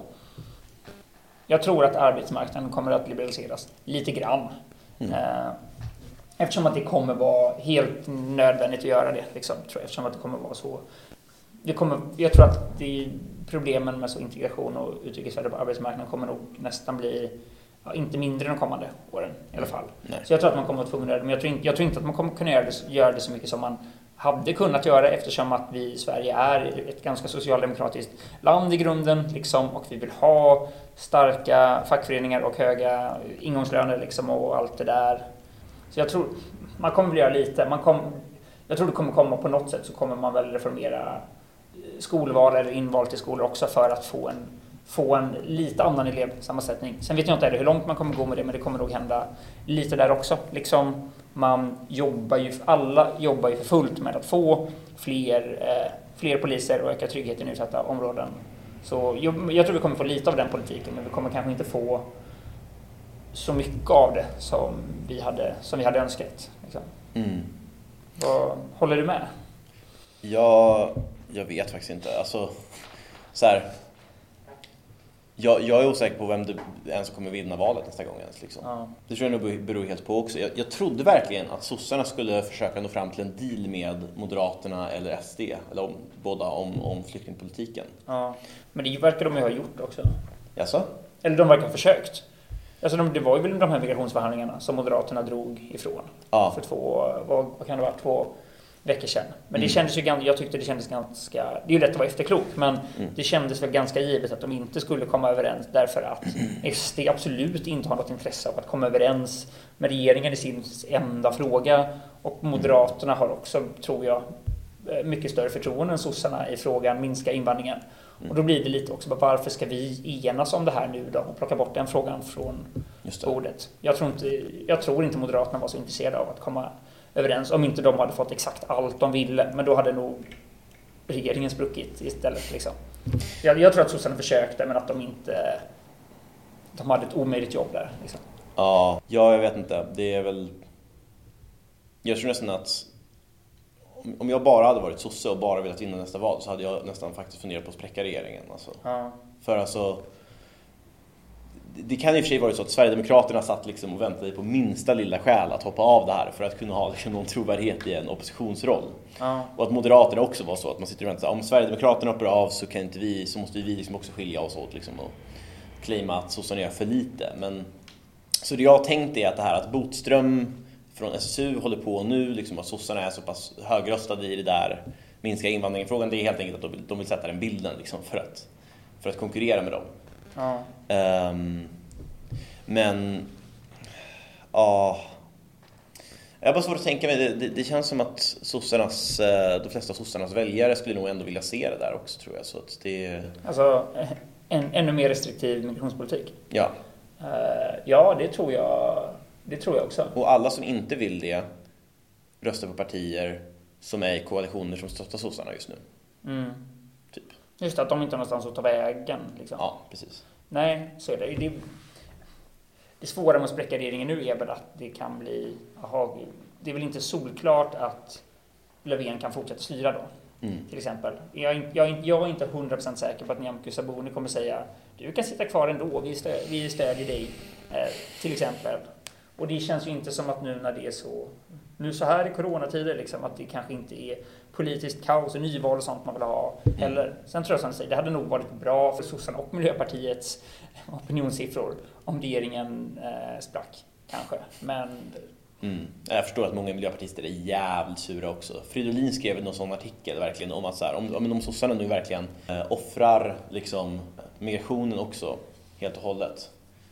Om de kör över oss helt i den frågan med typ så här, vad är det vi då egentligen stöttar dem för? Alltså Mm. vad, vad, för, vad är det också som, som vi stöttar dem för i liksom, de mer högerorienterade partierna? Varför stöttar vi ett liksom, ganska vänsterorienterat parti? Om de inte ens liksom, driver en sån politik. Det, det liksom, blir, de, de sitter i en väldigt jobbig sits faktiskt. Jag ställer mig skeptisk bara till hur mycket de satsar på polisen egentligen. Så här. Gör man verkligen allt man kan nu för att stärka upp den? Eller liksom är det... alltså regeringen, Ja, gör man liksom någon, några effektiva reformer eller gör man liksom, pratar man om, om det och gör lite? Alltså jag tror man gör, man, det är klart att de hade kunnat säga alla får 10 000 mer lön varje månad. Då hade man kunnat få upp söktrycket. Det är, klart det, går, det är klart att det går att göra mer, men jag tror att sossarna gör väldigt mycket för att försöka få eh, polisen att funka bättre. För att få fler poliser, för att få fler att stanna kvar. Liksom. De har, man har ju ökat platser, försöker öka platser och så, liksom, men man får inte upp man får ändå inte upp sök, eh, söktrycket. Liksom. Det är för få, fortfarande för få sökande platserna. Så, så det, det, är klart, nej, det är klart de inte gör allt. Det är klart de hade kunnat göra mer. Men de, Mm. typ, de har ju också fattat att det här är ett stort problem och en viktig fråga. Eller jag har väldigt svårt att se varför Löfven skulle skita i polisen. Mm. Det vore väldigt, ett, otaktiskt, två, väldigt dåligt för eh, Sverige att göra det. Ja, Sen är, sen är det klart att hade man gett polisen 10 miljarder till per år så hade det, då hade det nog blivit eh, bättre. Det vore konstigt om det blev sämre av mer pengar liksom, såklart. Mm. Jag funderar på bara just det här hur mycket, hur mycket man väl uppnår. Men jag, jag, jag har ju jobbat en del med politik inom olika områden nu. Ehm, jag vet att man ofta har så här att det är rätt klart för alla så här att vad problembilden är. Ja. Eh, och man lanserar olika former av reformer. Men då är det bara så här, är de här effektiva? Liksom? Gör man någonting som kommer att, att förändra någonting liksom, i grunden? Det känns som att det, man skulle behöva ha övergripande är väl att kunna rensa ut liksom, de våldskapabla gängens kapacitet att begå brott. Liksom Ja. under en bestämd period, alltså få bort dem från, från gatan helt enkelt. Och för det är det väl rakt av muskler. Jag inte, jag kanske får göra ett polisavsnitt någon gång, men det är liksom... Ja, eller fast det, inte, det handlar väl inte om muskler. Det handlar väl om information och spaning. Det är ju, Ja, det, det det, det är inte, alltså, polisens problem med de kriminella gängen är ju inte att de skulle förlora en eldstrid mot dem. Man, Mm. måste, man måste ju ett, veta, veta vilka personer är. Två, man måste kunna koppla dem till ett specifikt brott. Tre, man måste plocka dem. Jag tror, jag tror Mm. inte att det är så att man har de här... Det är klart att det finns kriminella personer som har begått brott också, men de flesta som är ledare i de här nätverken är ju... Problemet är ju inte att hitta dem rent fysiskt. Problemet är väl att kunna få dem dömda, liksom. Mm. Gissar jag. Så det är väl, det är väl inte muskler så. Men sen är det klart att med, med fler poliser så hade man kunnat utreda fler brott, bättre, liksom. Mm. Och få folk i finkan den vägen. Fint uttryckt. Nej men det, det är så här... ehm, det är väl lite allt möjligt. Det är väl dels så här att just, att just tra- tracka ner ledarna liksom. Ja. Eh, men det är också att det finns ju massor av liksom, underhuggare. Så här, ofta så är det minderåriga. Det är också ett jättestort problem liksom, att folk åker direkt in i... i det finns inga påföljder liksom. Det är ingenting som händer. Eh, om det är en, jag vet inte, 15-åring, 14-åring som, som någon säger åt liksom, att du ska du ska skjuta den här, liksom, eller bara, bara för att den rå, rånar någonting. Liksom, Ja. Bär Eh, det här knarket till den här platsen. Ja. Det är väl inte det att liksom polisen, om de väl koncentrerar sig i en grupp, inte kan ta någon av de här gängen, utan mer att Nej. de finns på massor av platser hela tiden. Polisen har ett begränsat antal liksom, människor som också utöver det här måste liksom, utreda andra brott, stoppa andra Ja. saker. Liksom. Så jag vet inte alls hur tuff, tuff den uppgiften är. Liksom. Så det, och så, vad det än de gör, eh, polisreformer, så, så lär det bara vara bra. Liksom. Det är med det. Ja, det tror Nej, men det är, jag, vet, jag är för dålig på polisfrågor, men jag tror att det, det är klart att hade vi varit fler poliser så hade det varit bättre. Då kan man vara på fler, fler platser. Man, kan få, man kommer väl bara ta fler på fler på bar gärning genom att patrullera mer. Om inte annat så bara ö, alltså ökad polisiär närvaro i ett område gör väl att området blir tryggare. Mm. Folk begår mindre brott där. Man blir mindre benägen att hitta på massa skit när det är massa poliser i, Mm. i, eh, i närheten. Ja, det, precis. det tror jag. Men det är en sån... Nej, det är en jätteviktig fråga, men det, det känns inte som att jag egentligen litar så mycket mer på något parti än något annat par- parti. Så i frågan, vem kan fixa polisen? Mm. Jag, nu, jag, det, är, det är väldigt lätt att vara opposition och kritisera polisen för att det här går inte bra, de fångar inte tillräckligt många tjuvar. Men jag, kanske hade Moderaterna gjort det bättre, kanske hade de satsat jättemycket mer, kanske hade det inte blivit så mycket bättre. Jag, jag tror inte att vi hade haft så mycket lägre brottslighet om Moderaterna hade vunnit valet 2014 och 2018. Jag tror Mm. det hade sett ganska ungefär likadant ut ändå. Ja, ja nej, det, det kan jag köpa. Det är verkligen, polisen har ju minskat i antal liksom, mot befolkningen under både allians och socialdemokratiska regeringar, samt försvaret till exempel. Ja. Så. Ja, men, och då hade det varit Ygeman och Morgan Johansson som hade stått och sagt att regeringen tar inte det här på allvar, det här behövs krafttag, hej och hå. Liksom. För att Mm. det är ju s- naturligtvis så det är med politik. Mm. Ja, verkligen. Men eh, jag tror att jag har en avslutande förutsägelse i alla fall. Eh, Men jag tror att SD kommer börja prata ännu mer om återvandring.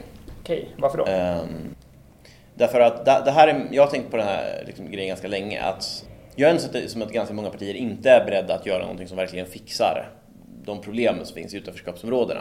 Men sossarna är ganska ovilliga att, att göra någonting med arbetsmarknaden. Liksom, man är ovillig att, att ta folks eh, olika typer av liksom, sociala insatser eller välfärdspengar på olika sätt. Ja. Ehm, med att de inte löser det här problemet så det är ju bara ett parti som driver liksom någon st- större återvandring, liksom det är AFS. Men SDs väljare kommer ju börja snegla på dem annars, tänker jag.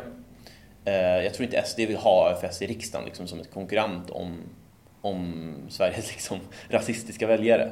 Nej, och ju mer, alltså ju mer S och M närmar sig SD, ju, de måste ju också hitta nya frågor. De, de kommer ju aldrig kunna säga Bra Löfven, nu är vi nöjda. Nu har du dratt ner invandringen dit vi skulle. Nu lägger vi ner och packar ihop. Mm. Tack för oss. Så kommer det inte, så kommer det inte heller bli. Liksom.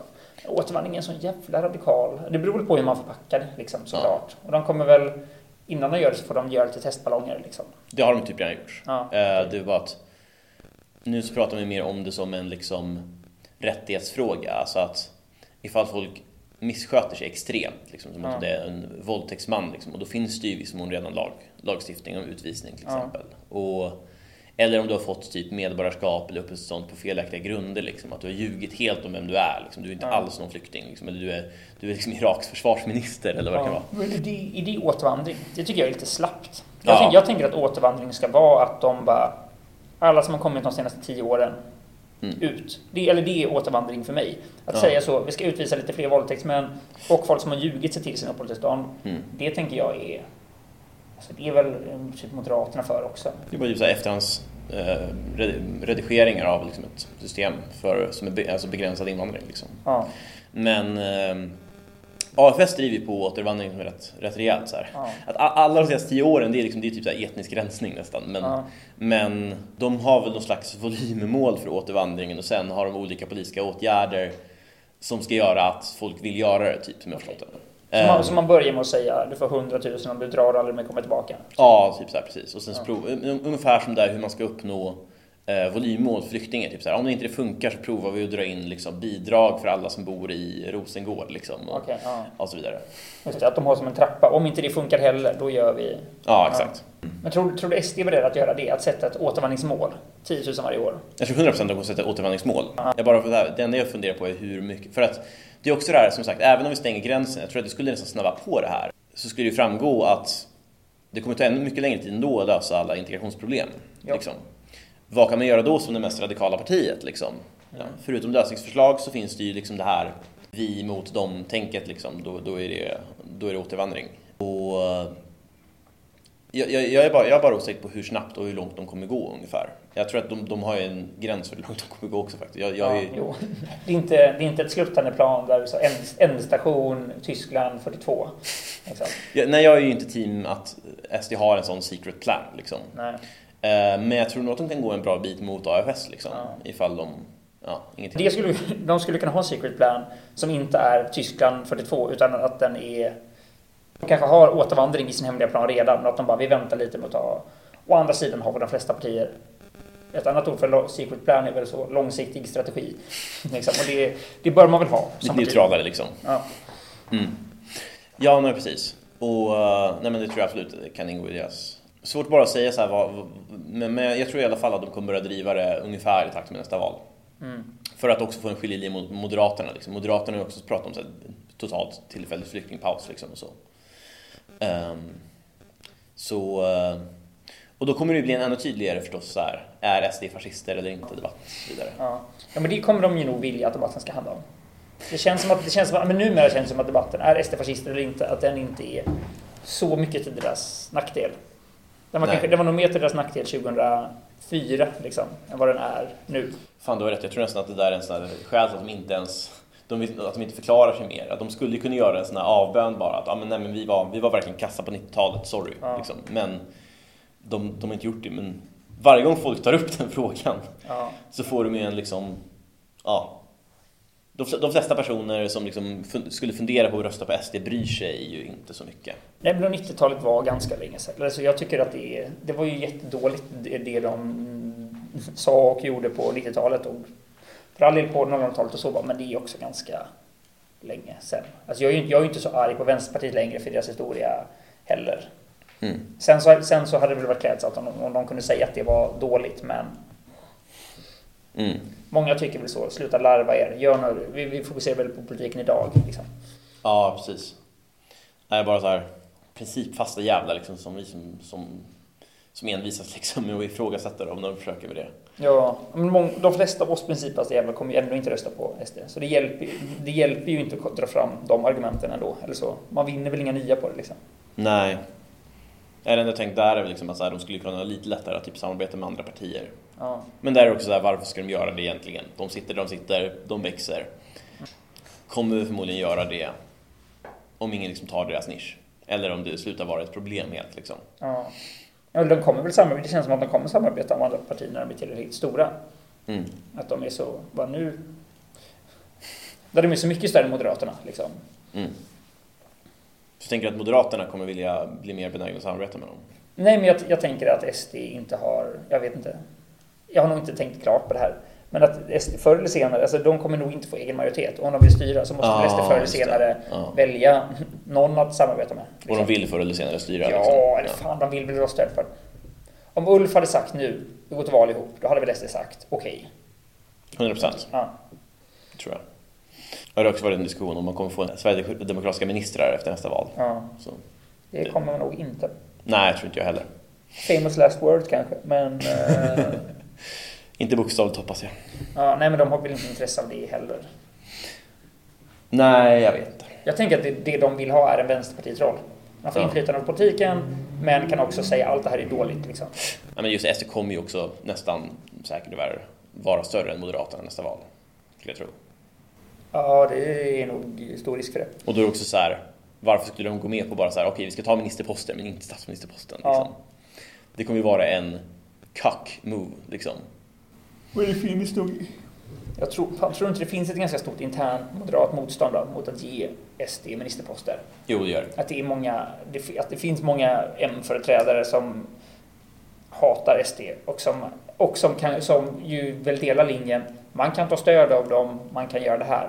Men att så att utse dem, ge dem tunga ministerposter, där kanske det finns. Jag tror att det finns en gräns där för många.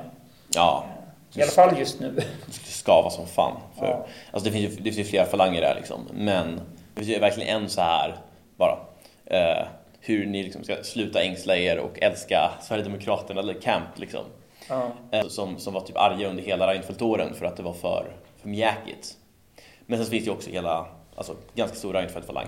Eller för den delen Carl Bildt-falang eller liksom Gunnar Hökmark-falang. Anders Borg-falang för den delen. jag, jag tror bara inte att de, nej jag, jag tror inte heller de är fine med det alls. Liksom. Och att det kommer ju bli, det, det kommer ju bli någonting de får sy ihop. Liksom. Mm. Så det kanske inte blir några, några SD-ministrar nästa gång. Nej, inte än. Tror inte. Men du tror det kommer senare? Jag, jag tror att Moderaternas inställning till det kommer förändras ju längre tiden, eh, ju fler år som går. Däremot är det inte säkert att de kommer få det för det. Liksom. Eh, De kan ju också förlora nästa val och minska liksom. Och, och försvinna liksom. Alltså det är... eh, Mm. Ja, men det är ju också frågan om vad som händer när, när Jimmy måste sluta och hela Ja. Agenda Garde faller sönder. Jag vet inte alls. Nej, nej, men det är som att bara Liberalerna vill, kan ju också tänka sig att sitta i, i olika regeringar. Liksom. Bara, men det får vi ju inte göra för det. I alla fall inte just nu. Nej, precis. Nej, det är som, det är som det varit deras problem fram tills, fram tills nu, liksom, att det, är- det är ingen som vill sitta med dem. Liksom. Ja, jag tänker att vi ska, vi får börja runda av i alla fall. Eh, Men jag tycker det här har varit eh, väldigt intressant. Jag vet inte om vi kommit lite närmare till att förstå typ identitetspolitik eller vad som händer med migrationen eller Kanske. Eller så förstår vi mindre om identitetspolitiken någonsin. att har blivit ännu mer förvirrade. Det är ett ämne som ju mer man pratar om det, desto mindre bara förståelse. Ja. Ehm, men du är kvar ett tag till på UNT, är det något speciellt man kan se fram emot där eller? Mm, nej, eller man, man, man, man ska alltid se fram emot mina man ska alltid se fram emot mina texter. Men jag, har inte, jag vet inte vad jag ska skriva de kommande dagarna riktigt. Mm, man får okej. gå in på unt.se åsikt ledare och kolla. Mm. UNT-ledare ska man läsa. Jo. Då så. Men toppen, stort tack för att du var med. Tack så mycket själv. Yes, ha det bra.